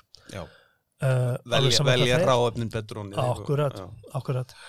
Uh, og það kom allt saman út frá því að hann hefði farið ár sem skiptinemi til Fraklands þar sem hann hérna bjó hjá franskri fjölskyldu sem að voru bakar. Þar bara á hverju kvöldi settist fjölskyldan niður og borðaði bara almennilega mat og drukku góð vín. Mhm. Uh, og hann kom bara tilbaka með, hérna, með einhverja hérna, vitneski á bakinu og, hérna, og fekk svo bara kultúrsjokk yfir því hvað Danir voru að borða og, hérna, og fór bara í gang uh, og það sem hann hefur gert er, er náttúrulega rauninni alveg bara hérna, er rauninni alveg bara magnað sko. en hann allavega hérna, kemur og borðar á dillinu og ég svo sem hérna pælt ekki neitt í því meira en hérna en svo er ég nú svona aðeins fann að klóra mér í hausnum þegar hann var búin að borða á dillinu þrísa sinnum og hérna hvað, hvað væri nú eiginlega að gerast sko. en svo hefur hann, hefur hann samband við mig og hérna, byggði mig um að koma og hitt taka bara fund með sér í Danmarku og við yknum farið um málinn þar. Og hún langaði svo til að sjá að hérna, hvort að ég væri rétti maðurinn til að taka mér yfirkokkstöðu yfir stað sem hann væri að fara að opna inn á Grand Central Terminal í New York. Uh, og til að gera langur sögu stutt þá, hérna, þá endaði ég þar. Já. á Akern sem, sem að opnaði kvinnar. Hann, já, já, það skiptir ekki máli, kannski Já, hann opnaði 2016 16, já. í februari mann rétt já. Já. Og þú, uh, þú tekuð upp með, með hérna, konu og börn og, Já, og, þetta- og, og, og, og ferð til New York. Þetta var náttúrulega, hérna, þetta var náttúrulega ekki alveg jafn einfalt og út á hljómar sko því að, því að hérna, ég er náttúrulega konu og fjögur börn þannig að hérna, það var ekki bara eins og maður hérna, bara vippaði sér til New York bara með ferðartöskuna sko. En, hérna, en ég talaði við konuna og hérna, ég talaði við börnin og, hérna, og það var bara ákveðið að hérna, kýla á þetta uh, og ég flutti, inn, flutti út einhverjum held ég fimm mánuðum á undan undan þeim og hérna svona sá til þess að hérna, kom, finna hérna, íbúð í rétta hverfinu og góðan skóla og hérna, einhvern veginn kaupa hérna, einhver húsgögn og koma okkur eitthvað fyrir mm -hmm. uh, þannig að þau getur svo hérna, uh, flutt út í gott hverfi og, svona einhvern veginn örugt heimili. Já, og við opnuðum, opnuðum Eikern og hérna sem er sko sennilega bara eitthvað mesta og rosalegasta challenge sem ég hef á æfuminni gert sko. En á sama tíma líka kannski hérna eitthvað það mest gefandi sem ég hef gert sko. Uh, ég, held að, ég held að ég hef aldrei á, á æfinni gert eitthvað það sem ég hef lært jafn mikið.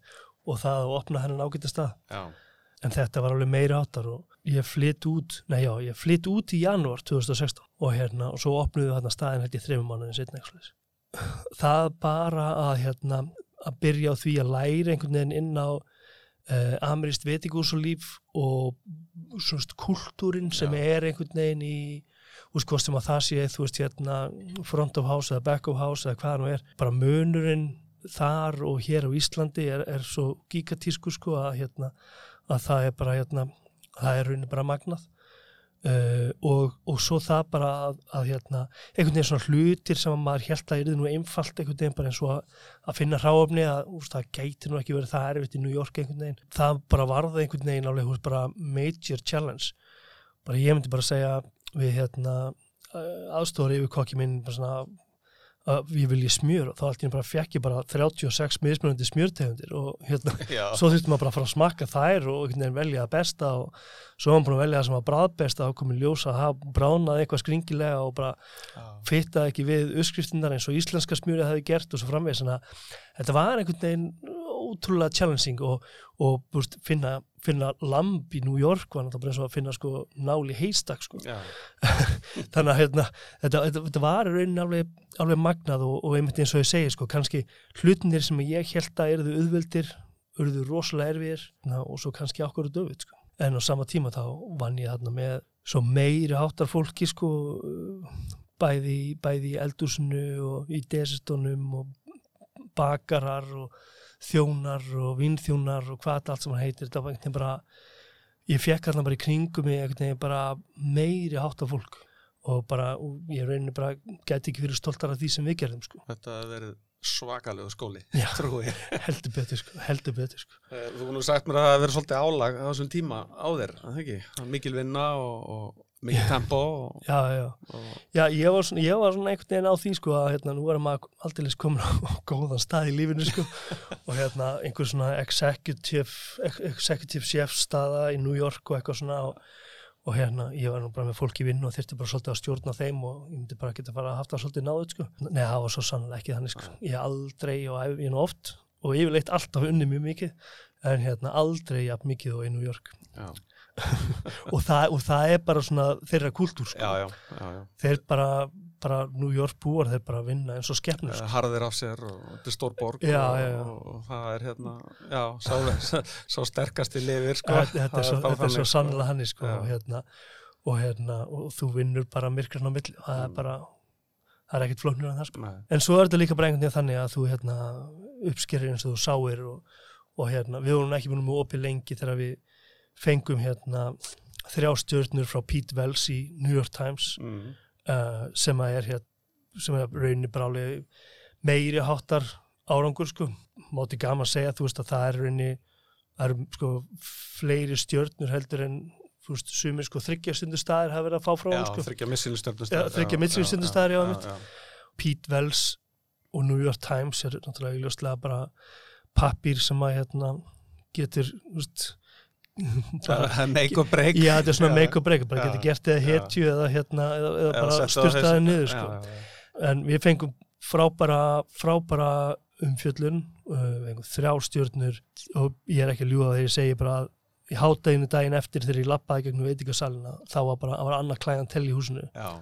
þetta, þetta var alveg magnað að sjá þetta sko Mhm. og hérna og svo náttúrulega var bara fullt hús bara hátíð og kvöld bara, það sem eftir bara, var. bara meira og minna sko. Og svo, svo fengu, fekk Agar missilistörnum já og svo fengum við mittlinstjórnuna bara stuttu eftir þetta sko. Já. og rauninni höfðum við rauninni bara verið við fengum held ég sko þess að þrjástjórnum New York Time komu í byrjun ágúst. Uh, Michelin-stjarnan hins vegar kom bara í november 2016 sem er raunin bara veist, nokkru mánuðum eftir opnun sem, að, hérna, sem er raunin er alveg svolítið magna sko. Já, því að það er ekkert eitthvað sjálfgefið að, að þeir séu að hérna að, að gera það sko. En kannski í borgum eins og New York þar sem að hérna þar sem þeir hafa kannski tækifæra á því að koma oftar til þín á stöttu millibili og eitthvað svo lesa þá hérna þá kannski gengur það nú bara hraða fyrir sig. En það gekk allan mjög vel hvort sem að það var hérna greinin frá Pete Wells eða, eða Michelin-gætin og var raunin alveg magnað og bara kvöldið sem að, sem að við fórum og að hérna taka á móti Michelin-stjörninni að þá fórum við saman ég og, og kona mín og, og Katie Bell, vinkona mín sem var þá hérna, general manager á Eikern og við förum á þennan event og hérna þá hafa hann þetta árið var hann haldinn samíla með þess að New York, San Francisco og Chicago. Þannig að það voru bara meir og minna bara allir bara flottustu kokka bandaríkina Mhm. og hérna og manni leiði svona pínu eins og og maður hætti bara alls ekki heima þetta sko. já starstruck bara Já, sko, já, bara algjörlega sko. Fyrsti maðurinn sem tók í hendina mér þegar ég kom nýra sviðinu eftir að taka við við- viðurkenninginu var Thomas Keller kom á gamli léttan knús og óskar mig til já, já. hvað ruggli þetta? já, er ég farin að spila í þessari deg Já, ná, já, ok, er ég með þessum gurum en alveg reyma, sko. skona sko Já, nú er betra að reyma- reyma sko og Já. hlaupa hratt sko. já. En en frábært þá, En hérna- svo er nú bara svona eins og, eins og maðurinn sagði sko, það er- það er kannski í rauninni ekkert eitthvað fárlega mikil pressa að fá millinistjarni en þú vilt svo sannlega heldur ekki missa hana sko. nei, það, þá byrja að pressa hann sko Já, það er eiginlega á rauninni bara meira stress sko. og, hérna, og kannski það besta sem þú getur gert til þess að hérna, minga það stress er að, er að vinna bara vinna bara hart að því að reyna að fá stjórnum með tvö sko. já, á þess að vera kannski eitthvað sérstaklega að pæli því en, hérna, en frekar að gera það að missjóni frekar heldur en að að fara í einhvern varnarleik og reyna að passa þessa einu sko, tökum fótbolta samlíkinguna aftur sko, sko. sá sem pakkar í vörn, hann er mjög líklega til þess að já, hann er ekkert að fara að skora mikið sko. nei, hann er ekki hann, nei, hann er mjög ólíklegt sko. já, talandi um Michelin já, og þá er það þannig að Dill fær Michelin stjörnu bara nokkur mánuðin síðar. Já, nákvæmlega við fengum, 2017 já, bara í februar 2017 já, það er hérna, Norræni gætin kemur alltaf út í februar Já. þangur til, actually, Já, núna í ár uh, einhver búið að fresta því út á COVID. En hérna, hann kemur alltaf út í februar en að hérna, við fengum november 2016 stjörnu á Eikern og svo hérna februar 2017 á Dill. Og það er fyrir þá sem hlusta fyrsta Michelin stjarnan á Íslandi. Akkurat, og þú ert með stjörnunu og Agarni annar íslenski kokkurinn til að fá Michelin stjörnu. Já, Agi Sverris á, á Texture í London sem, að, akkurat. sem að var með hérna, eina Michelin stjörnu mörg, Akkúrat. mörg ár og búið að loka þeim staðar endar núna. Já, því miður. Já því miður. Um, en þetta þetta voru og eru veist, bara stór fréttir á Íslandi. Bara fyrsta Michelin stjarnan allur bransinn búin að tala um þetta bara frá því. Ég byrjaði þessu bransa, veist, hvenær Já, gerist það og nákvæmlega, af hverju ekki og, og af hverju ekki komin stjarna og nákvæmlega. margir ágætti staði búin að vera en eh, ef ég segi fyrir mig alltaf vanta hann stöðuleika já, nákvæmlega sko, ég held að hérna ég held að það sé nú kannski það sem að hérna, margir sko vann með það svo mikið að hérna, veist, það, eins og ég sagði á hann, það er ekki nóg að það er ekki nóg að taka eitt kvöld og hérna og rífa fram hérna öll bestu spilin og hérna en, en vera svo bara með tvist og þrista daginn eftir sko. mm -hmm. uh, þú veist, það þarf bara að vera þessi, þetta stabilitet, að, það sé bara alltaf einhvern veginn svona sami standard og, og frekar heldur en að vera svona rakkandi Uh, það er eitthvað sem að ég held að Michelin gætin sjái í gegnum hérna, mjög auðvöldlega og eitthvað sem að hann hérna, hann tekur því ekki létt sko. uh, hann getur alveg farið og þú veist eins og er alveg vita mála það eru matastandar í Asju með já, já. en það er líka bara af því að þeir eru bara að keira mat sem er bara geggjaður. Já, já. og sem bara hann er svo bragóður að hérna, fólk fær bara tár í augun. Ég, og hann er bara alltaf eins. Ég, ég farið í Singapore Já, og þennan stað. nákvæmlega, nákvæmlega. Chicken rice. Chicken rice, já, já, já, nákvæmlega. Já. þannig að hérna úst, það, það er bara, þetta er það sem er leita eftir sko, og það er bara þannig Einmitt. Svo þegar að tilfær stjörnum þá ert þú út í New York og, og Mhm. hérna sem, sem lítur að vera svolítið erfitt veist, með hérna, rekstur hérna heima og, og, og allt það og, og, og svo kemur að því að þú kemur heim aftur Já, nákvæmlega. Hvað hérna. hva, er svona í stuttu hvað verður svona, náttúrulega eins, og, eins og lífið er sko það eru Já, stundum já. tilvelinir og stundum bara, veist, ekki Já, já, og stundum hvort ekki. Uh, ég held sko, við flytjum sérst heim í mars 2019 uh, og ég held svona að rauninni hafi þetta verið samspil af bara mjög mörgum hlutum, uh, svo ástæða. Við vorum búin, eða ég var sérst rauninni búin að vera að reyna að opna veitingastað þá í Brooklyn og ég var komið með, hérna, ég komið með fjárfesta, ég komið með uh, húsnæði og allt saman. Uh, ég var, kom- þess að koma með teikningar á staðnum og hérna og það eina sem að rauninni vandaði eða svona það síðasta sem ég átti eftir að gera var að fá rauninni verktakana til að taka út húsnæðið áður en þeir geta hafið framkvæmdir og rauninni kvittað undir tilbúðið sitt já, já, já.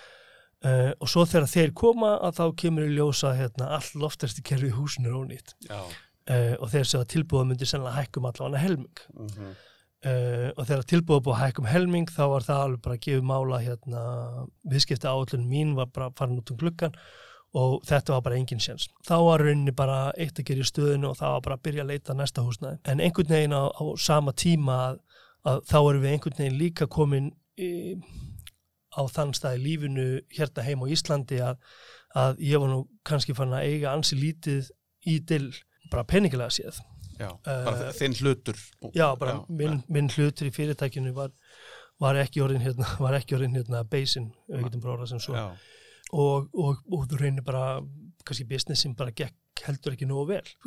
og til að toppa það, þá hérna mistu við svo bara á, á sama tímanum uh, bæði yfirkokkin og mittsinnistjörnuna.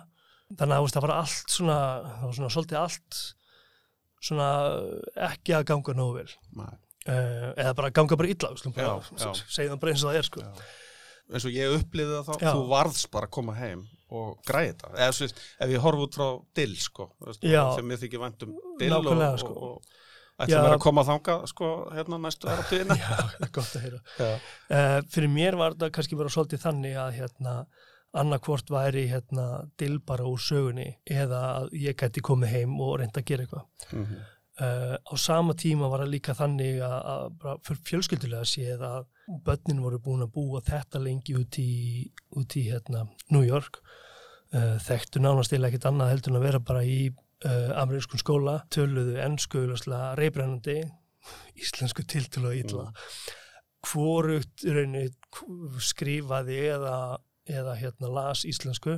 Þetta var að fara að vera líka svolítið þannig að, að því lengur sem við myndum búa úti því erfiðar að væri fyrir börnin að fara heim. Þannig að rauninni er þetta einhvern veginn samspil af öllum þessum hlutum sem gera það að verkum að, hérna, að við ákveðum að drífa okkur heim. Já. Sennilega var það samt uh, það að dilskildi missa stjörnuna sem var svona kannski punkturinn, punkturinn yfir hérna íð þar sem að ég var bara svona, ok, núna segir þetta sér svolítið sjálft. Við ákveðum bara að drífa okkur heim. Ég hafði þá náttúrulega auðvitað eins og ég saði uh, verið með hérna fjárfesta í bandaríkjunum til þess að opna hennan stað í Brooklyn uh, og ég hérna samfarið þá um það að, hérna, að það var besta hugmynd í heimi að, hérna, að fjárfesta í veitingastað á Íslandi og við í rauninni uh, kaupum bara hérna vörumerki dill þannig að ég geti í rauninni bara átt það uh, svolítið bara svona einn Já. reyndir náttúrulega auðvitað með þeim en, en þeir eru svo sem bara hérna bara fjárfestar og, og hafa kannski ekki hérna atkvæðis rétt þegar þegar kemur á hérna stórum ákvörðunum í fyrirtækinu. Þeim leist vel á það og hérna við kaupum fyrirtækið, uh, flytjum það upp á laugaveg, uh, opnum bara mjög stuttur setna. Ég held að það hafi verið einhverjir þrýr mánuðir sem var lokað og, og svo opnum við aftur og einum þá rauninni komnum með nýja staðsetningu, svolítið svona nýja, kannan að segja, hönnun. Já. uh, bara auðvitað, staðurinn er öðruvísi. Og svo er ég einhvern veginn búin að vera með alls konar hugmyndir í maganum um hvernig ég vildi að uh, matseðlinn myndi líti út það sem bara fysikal, bara pappirinn og, og svo framvegis. Uh, en svo var ég líka búin að vera að vinna með hugmyndir fyrir staðinn í Brooklyn um, um hérna hvernig ég vildi byggja upp matseðlinn og er hugmyndir fóru svolítið þarna í þrýðju staðsningu dilsins. Og, og þar er við raunni kannski ko- komnir yfir í það að, að fara hérna öll þessi skref sem ég var að tala um áðan þú veist hvort sem að það var að fara úr hérna norrænu hráöfni í íslensk og hefðirnar og allt þetta sko. En hérna, en nú erum við kannski kominir í það að aðal áherslan augljósla ofan og allt hitt er það að við vildum verða einhvern veginn meira uh, ábyggir gagvart umhverfinu. Og við vildum sína fram á uh, betri nýtingu á öllu því ráöfni sem að kæmi í hús. Okkur fannst það bara að vera einhvern veginn svona þó ekki væri nema bara fyrir hérna, fyrir hérna bóndan sem að hérna eitti heilu sumri að rækta þessa róu eða, eða sjómaninn sem sem að fór út eldsnum á morgni til að veiða þorskin að þá bara væri það minnsta sem við gærum að fá inn heilan þorsk og við ætlum að skera niður og hérna eldan og við ætlum í rauninni helst bara ekkert að hætta að elda matur þorsk fyrir að við vorum búin að elda allan hennar þorsk uh, og þess vegna kemur þú og til og þú færð mjög líklega ekki þrjá mismunandi fiska Nei. ef við hefðum keft inn þorsk þann daginn þá færðu bara þorsk Akkurat. og ef við keftum inn uh, eitthvað fallegt lamp eða svín eða nöyt eða hvað hann var þá færðu bara það það verður ekkert fleiri kjöttegundur þann daginn sko. Uh, og, og það er bara okkar bara svona einhvern veginn bara mission að, að gera þetta og á sama tíma líka er einhvern veginn uh, græmiti líka og jurtirnar og hvað þetta allt sem heitir og, Og, og þetta síðan elda ástíðirnar sem að Ja. við kannski glemdum að nefna á en, að- að er svo mikilvægt. að sjálfsögðu Já. Og hérna og sama tíma líka einhvern veginn þurfti maður svona aðeins að svona aðeins svona stundum að róa sig og eitthvað að því að að því að í gegnum tíðina er þér alltaf kent alls konar reglur þegar þú ert að búið til matsela og, Mhm. og eina af þessum reglum, kannski eina fyrstu reglum með það, þú getur aldrei verið með sama ráfni tvisvar, Forðast endur við tekningar. hefum þetta engar endurtekningar og hérna og við tókum bara, bara settum bara stort striki við það Mhm. bara ég er búin að kaupa inn selleri rót og það er bara eins gott að ég nota hana alla. Ef ég þarf að hafa hana þrifsa sinnum á ma- sama matselinu mér er alveg sama. Og hún verður auðvarslega aldrei eins. Þetta verður alltaf bara, ég passa það, þetta verður mjög misjamt og eitthvað svona. Mismunandi Já, eldum já, að ferð og áferð og svo framvegis. og sama auðvarslega á við þorskinn, þú ert aldrei að fá rétti sem eru nála því að vera svipaðir. Þetta er allt sem var mjög ólíkt þannig að hérna, fólk þarf ekkert að hafa ágjör því að að sé að koma að borða sama þorskréttin fimm sinnum í röð eða hvaðan nú er sko. En þannig að, og, og þetta líka áalveg uh, þetta ávið um fleiri hluti heldur en einhvern veginn bara þorskinu og lampið og, og selirútina sko, þetta er, þetta er einhvern veginn allt saman og, og við erum líka mjög svona duglir í það að fylgjast með, ok, veist, hvað fellur til hvern dag? Veist, bara allt í náttúrulega það er alltaf náttúrulega rosalega mikið af einhvern svona kertastöpum. Já. Svo bara svona, ok, prófum að sapna kertum yfir heila viku, bara ok, þetta er slatti. Nú á ég, nú á ég kertastöpa uh, sem ég er búin að sapna saman á dill í resti í tvö ár. Það er alveg, þetta er helviti mikið sko. Mhm. uh, þannig að eitt góðan við þetta ætla ég að byrja hérna að bræða það allt saman. Uh, ég ætla að ilma það með einhverjum góðum óljum og hérna búa til okkar eigin kerti sem við getum svo selt. Hver veit, það getur kannski bara uh, verið eitthvað sem að, við getum nota á staðnum eða við getum selt til gesta eða hvaða nú er.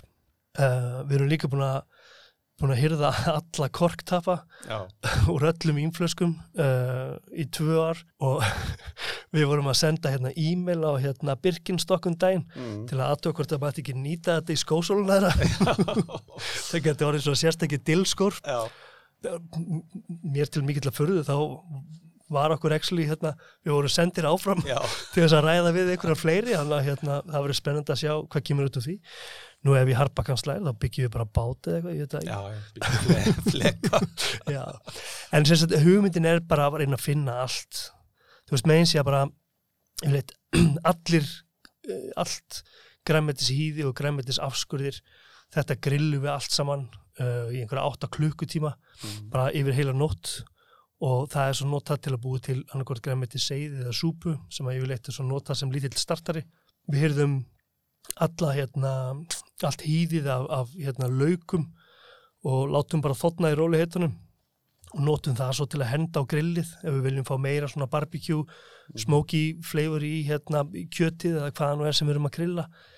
Þetta er, þetta er bara einhvern veginn bara allt sem við sjáum að einhvern veginn er að sapnast saman að þar svona þar hingru við þá við og og reyðbyrju að hlýtur að vera eitthvað sem við getum gert við þetta. Já, Þannig að það er svona okkar nýjasta, hérna, okkar nýjasta passion, ofan og, og allt saman. Gott, að heyra. Og, og rýmar við allt hitt líka. Já, nákvæmlega og, og er líka bara svona eins og fyrir mig sko, þetta er bara svona við getum ekki alltaf bara kyrt áfram uh, þú þarft alltaf að vera að tvíka konseptið uh, því að annars hættir þetta bara að vera áhugavert uh, en líka af því að að the end of the day þá er tíðarandin er alltaf að breytast áherslunar er alltaf að breytast þannig að þú þarft alltaf að aðlagast og breytast með því annars verður þú bara einhvern veginn bara outdated gamall veitingastæður sem að hérna ert ekkert svona relevant og við höfum séð það oft Já, gerast. svo sannlega. Bæði hér heima og erlendis. Já, bara alls þar. Þannig að þú forðast það. Já, Uh, ef við hérna förum frá til uh, með því að ef við lokum því kannski bara með því að, að hérna að segja að, að þú varst nú ansins nöggur að ná aftur í missinstöfnum og til hann mikið með það. Aftur. Já, ég er endar hérna, ég get alveg sagt til það sko að hérna, ég, þegar ég kom tilbaka og þá var hérna, með minna að vera tekið eitthvað viðtal í mokkanum, þar sögðu menn bara hluti og eitthvað sko og hérna, og ég man svo sem ekkert nákvæmlega hvað það var en ég veit að, að ég saði ekki að ég væri komin til að ná í mittsinsstjörnum aftur. nei, nei. En það var nú enga síður hérna, fyrirsögnin. Og hérna, og svo getur líka alveg vel verið að ég hafi kannski mögulega mistað út í mér eða eitthvað, ég veit það ekki nákvæmlega. Eða kannski fannst honum bara ég vera svo hérna mótiveraður í verkefnið hérna og honum bara fannst þetta bara eðlilegt. En hérna, ég sá allan að fyrirsögnina og svo bara barði ég haustum í stein bara í svolítinn tíma sko að því að hérna þetta var svo sannlega ekki eitthvað sem ég ætlaði að gefa út sko. Nei, en svo sannlega ástæðan fyrir því að hérna að ég kom tilbaka. Uh, og ég ætla ekki að ég ætla ekki að hérna eitthvað að hérna ekki segja það því að, því að það var bara þannig. Já, já, uh, ég var hérna allt annað en res með þetta og hérna og verkefni var alveg hérna mjög skýrt og það glætti mig, glætti mig hérna alveg ótrúlega þegar hérna ég fekk hérna bóðum að koma til hérna uh, Noregs og hérna koma á ívendin. Það sem, að, það sem að kannski var svolítið erfitt þetta ára því að yfirleitt ef við ringiði og, og bóðaði á ívendin þá er það svona yfirleitt svona sama sem merki með það að þú sé búin að fá stjórnu sko eða þú sérst að fá nýja stjórnu eða, eða hvað hann er. Mm Þeir eru ekkert að bjóður í ívendin að þú fara að missa stjórnu sko. Þá heyrir þú bara ekki neitt. nei, nei. En það sem var kannski öðruvísi við þetta ár með önnur ár var það að, að Michelin Guide byrjaði að hér, gefa út græna smáran eða, eða, eða hvað fólk vil já, kalla já, já, já. Uh, sem eru rauninni bara svona viðkenning fyrir veitingastæði sem eru svona uh, vinna því að vera sustainable. já, svona sjálfbarni Já, akkurat, svona, akkurat. Þannig að ég fór að pæla bara, ok, veitu, kannski er ég ekkert að fá stjórnu. Kannski ætlaði bara að gefa mér hann græna smára, skilju. að því það heyrða laukíðið Já, af því að ég er alltaf bara eitthvað að reykja með einhverju laukiði og Já. hyrða kertastupa og, já, já. og hérna, smíða með bát úr, hérna, úr, úr já. Það var alveg svolítið stressandi. Ég ætla ekki að, ég get alveg, Neita ég ætla ekki að neita því, Nei. sko. En hérna, en, en stjarnan kom og hérna, og augljóslega glatti það okkur, hérna, ótrúlega mikið. Og líka bara einhvern veginn gaman að sjá að, hérna, þú veist bara þegar þú kemur, tekur að þér eitthvað ákveð verkefni og þú bara leggur hérna, leggur allt í það, þú færið svo tilbaka þar sem þú varst einhvern veginn að leita eftir. Mhm. Til hafa mikið með þetta. Já, takk fyrir það. Herðu, það fyrir nú kannski svona stittast í þessu hjá okkur en, en hérna kannski svona bara lokin, veist, sko ég veit og við erum svo svona talað eins um bara svona hluti eins og svona filosófíuna eða, eða hugmyndafræðin og bakvið þinn mat og hvernig einmitt þú setur upp þína matseðla og, og velur ráöfnið þetta. Já, og, og ég ætla bara fullir að það að þú hafði opnað augu margra í sko okkar hérna fæi einmitt fyrir þessu og ég held að séu fleiri í dag en fyrir 15 árum sem að sem pæla aðeins í þessu. Já, þótt að sé afskaplega fáir sem að sko skilja það kannski alveg í dýftina. Ég held allavega að þetta sé ofslega mikilvægt sko því að uh, fyrir mér saman hvort ég er að fara á veitingastað hérna heima eða eitthvað starf ellendis uh, þá vil ég fá eitthvað svona eitthvað svona karakter sem er fyrir uh, viðkomandi stað eða viðkomandi svæði.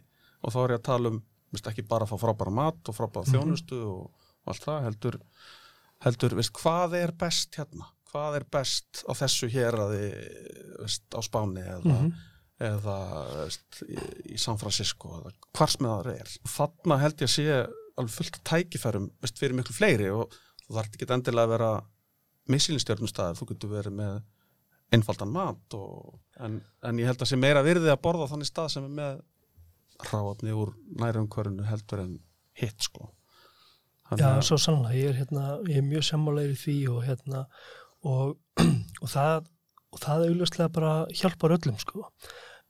Uh, ef, ef það, því meira sem þú passar upp og það, því betra verður það fyrir alla og þá er ég ekki endilega bara eitthvað að tala um einhverja ímynd fyrir einhvern veitikastað eða eitthvað konsept af einhverjum matseli heldur bara fyrir, fyrir fólki í landinu sko. Já Uh, og þá náttúrulega fólkið sem er að, er að, er að búa til þetta góður áni mm -hmm. eða er að veiða það. Það er bara að segja sér sjálft að það hlýtur að hérna, vera öllum, öllum uh, til góðs en, en svo á sama tíma þá kannski getur við ekki öll líka verið að gera sama hlutin.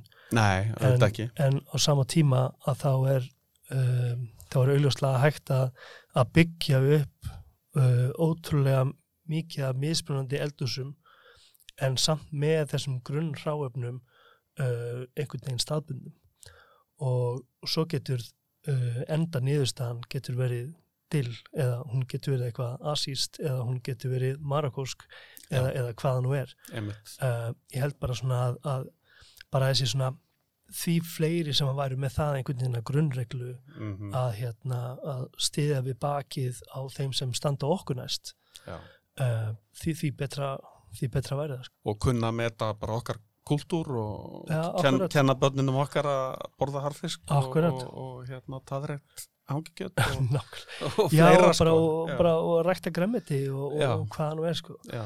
ég er alltaf að byggja til því að þið byrja að kenna það í skólum. Já, ég, það var í mun gáleira heldur en auka tími starfræði sko. já, ég held það líka og því myndi fylgja reyfing sko, fólk færi hérna staðið på stólnum og færi að vinna þarna höndurum sko. Já talandi um það er, ertu sammála mér um það að það eru sko nú sittum við hér í bændahöllinni sko. Já, nákvæmlega. Uh, og, og, og ég ætlaði einu svona verða búndi Þú ætlaði einu svona verða búndi mm. og ég ólst upp hérna í sögn hérna lokum við ringnum Já. en er ekki fullt af tækifærum fyrir íslenska lambún og fyrir bændu bara, þú, þú nefndi grammiti, við vitum það er gríðarlega mikið af tækifærum.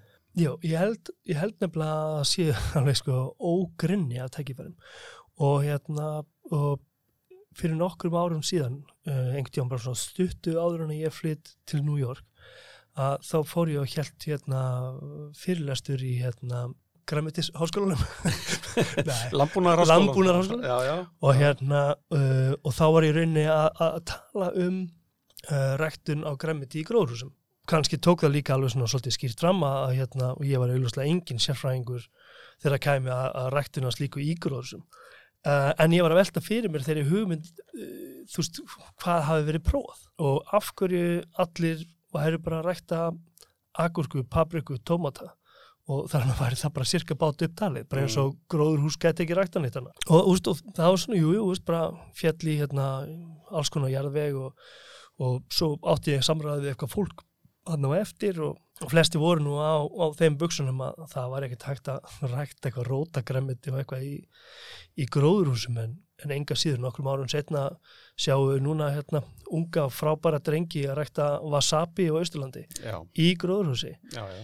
Uh, og wasabi já, veist, ef maður lesir aðeins til um hérna, um alls konar gremmiti að, að þá verðist að vera sem svo að wasabi bara að vera veist, eitt af því sem er erfiðast að gróðsita eða sérst að rækta. Já þannig að hérna hann hljóta að vera ótal tækifæri ótal sko. tækifæri en er þetta svo ekki að end of the day er þetta ekki allt saman spurningum styrki og, og, og þess áttar þannig að þetta er nú sennilega flóknur heldur en að segja já, já, en algjörlega. enga síður þá hérna, get ég bara ekki ímyndið mér annað en að það séu ótal tækifæri hérna. Ég ætla að loka þessu ágæta spjalli með hér, kannski spurningunni að því að við erum núna hérna vonandi að alveg að klára þetta helvitis COVID-rugl. Sem að hefa nú ekki hérna, hérna, já, ekki verið auðvelt fyrir sérstaklega veitingamenn. Nei, nákvæmlega.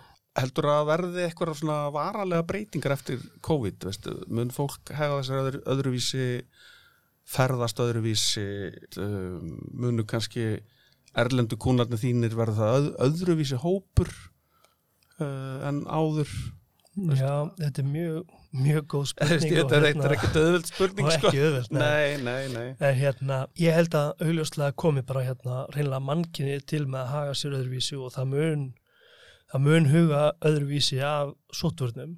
Við munum ábyggla sjá veitingastæði sem að, sem að kannski verða til frambúðar með þess lengra milli borðana heldur en var og svo framvegis. Já. Uh, annað en það, þá sé ég ekki fyrir mér að, að kunna hópurinn á dill verði eitthvað allt öðruvísi ári eftir COVID heldur hann var veist, mánuði fyrir COVID. Uh, einhvern veginn finnst mér það ólíklegt. En bara það sem að mér hlakka svo til það sem að ég hlakka svo til sem að jú uh, en er kannski það að það er svona það er alltaf einhvern veginn svona mis, mismunandi, veist, af hverju fólk er í þessu fæi skilur, og af hverju, af hverju, veist ég er nú ekki beint hérna yngsti maðurinn til að hérna, standa í eldursun og elda sko eða vera í veitingaresti, en á sama tíma þá er einhvern veginn hérna, þetta er bara einhvern veginn það sem ég lifi og brenni fyrir. Og svo lengi sem ég hef gaman að því að hérna, þá mun ég ekki hætta. En, en á sama tíma um leið og ég hætti að hafa gaman að því þá mun ég hætta. Uh, ég var einhvern tíðan að halda fyrirlestur í, í Napa Valley. Ég er þar á samt uh, þremur öðrum hérna svona mittsinsstjórnukokkum uh, og við varum allir spurnir, spurðir að þessar sömu spurningu af hverju við værum að gera það sem við erum að gera og hérna og þetta var svona pínu misjamt og hérna rosa dramatíska sögur eitthvað út af einhverju sem að amma er hafi sagt eða einhverju hérna inspiration frá náttúrunni eða guðum að veit eitthvað en hérna sem er allt gott og gilt augljóslega, allir geta haft sína ástæðar mín ástæða á þess að ég vilja hljóma eitthvað of sjálfs, sjálfs elskur er bara það að mér finnst þetta svo gaman. En hafandi sagt það að þá er hérna hefur COVID svo sannlega tekið einhvern veginn sinn toll. Ég var að ljúga þeir ef ég segði þeir að, að ég var ekki búin að hugsa um að loka og hætta og, allavega sko. núna bara vona ég einhvern veginn svo heitt og innilega að hérna, við sjáum fyrir endan á þessu. Þannig að, þannig að þú ekki væri nema fyrir mig til að taka í uh, og hérna og veitingarlífið á Íslandi að einhvern veginn komast í sama horf og, og það var í því að, því að við eigum magnaða staði og við eigum ótrúlega flott fagfólk uh, sem er að gera magnaða hluti. Og, og ég held að bara hvergi heiminum hreinlega sér henni kannski standardin þetta hár. Uh, þá meina ég kannski ekki endilega að það sé bara rosalega mikið af einhverjum einhverjum hérna stöðum sem ætti að hafa tvær og þrjár mittlinsjörnur, svo sannlega ekki ekki eins og nála því, en það sem ég meina er bara að, að það er eiginlega engin slæmir staður Nei, grunnstandardin er Já, svo hár sko. grunnstandardin á veitingustöðum á Íslandi er Já. svo hár Já, að bara það er eiginlega bara það er, það er engin staður sem að þú getur farið á og bara þú farið hræðilega mat. Nei, uh, en hann er svo sannlega augljóslega misjaflega góður. Vissulega. Vissulega. En það er nú alltaf þannig eða ekki? Jú, það er alltaf þannig. Ég hlakka til að hitta það næst. Já, sömulegis, Takk fyrir komuna, elsku vinnur hjartans þakki fyrir Uh, spjallið og, og, og gott bóðum í kæri. Já, það var nú minnst sko. Bara yndislegt. Takk fyrir. Takk fyrir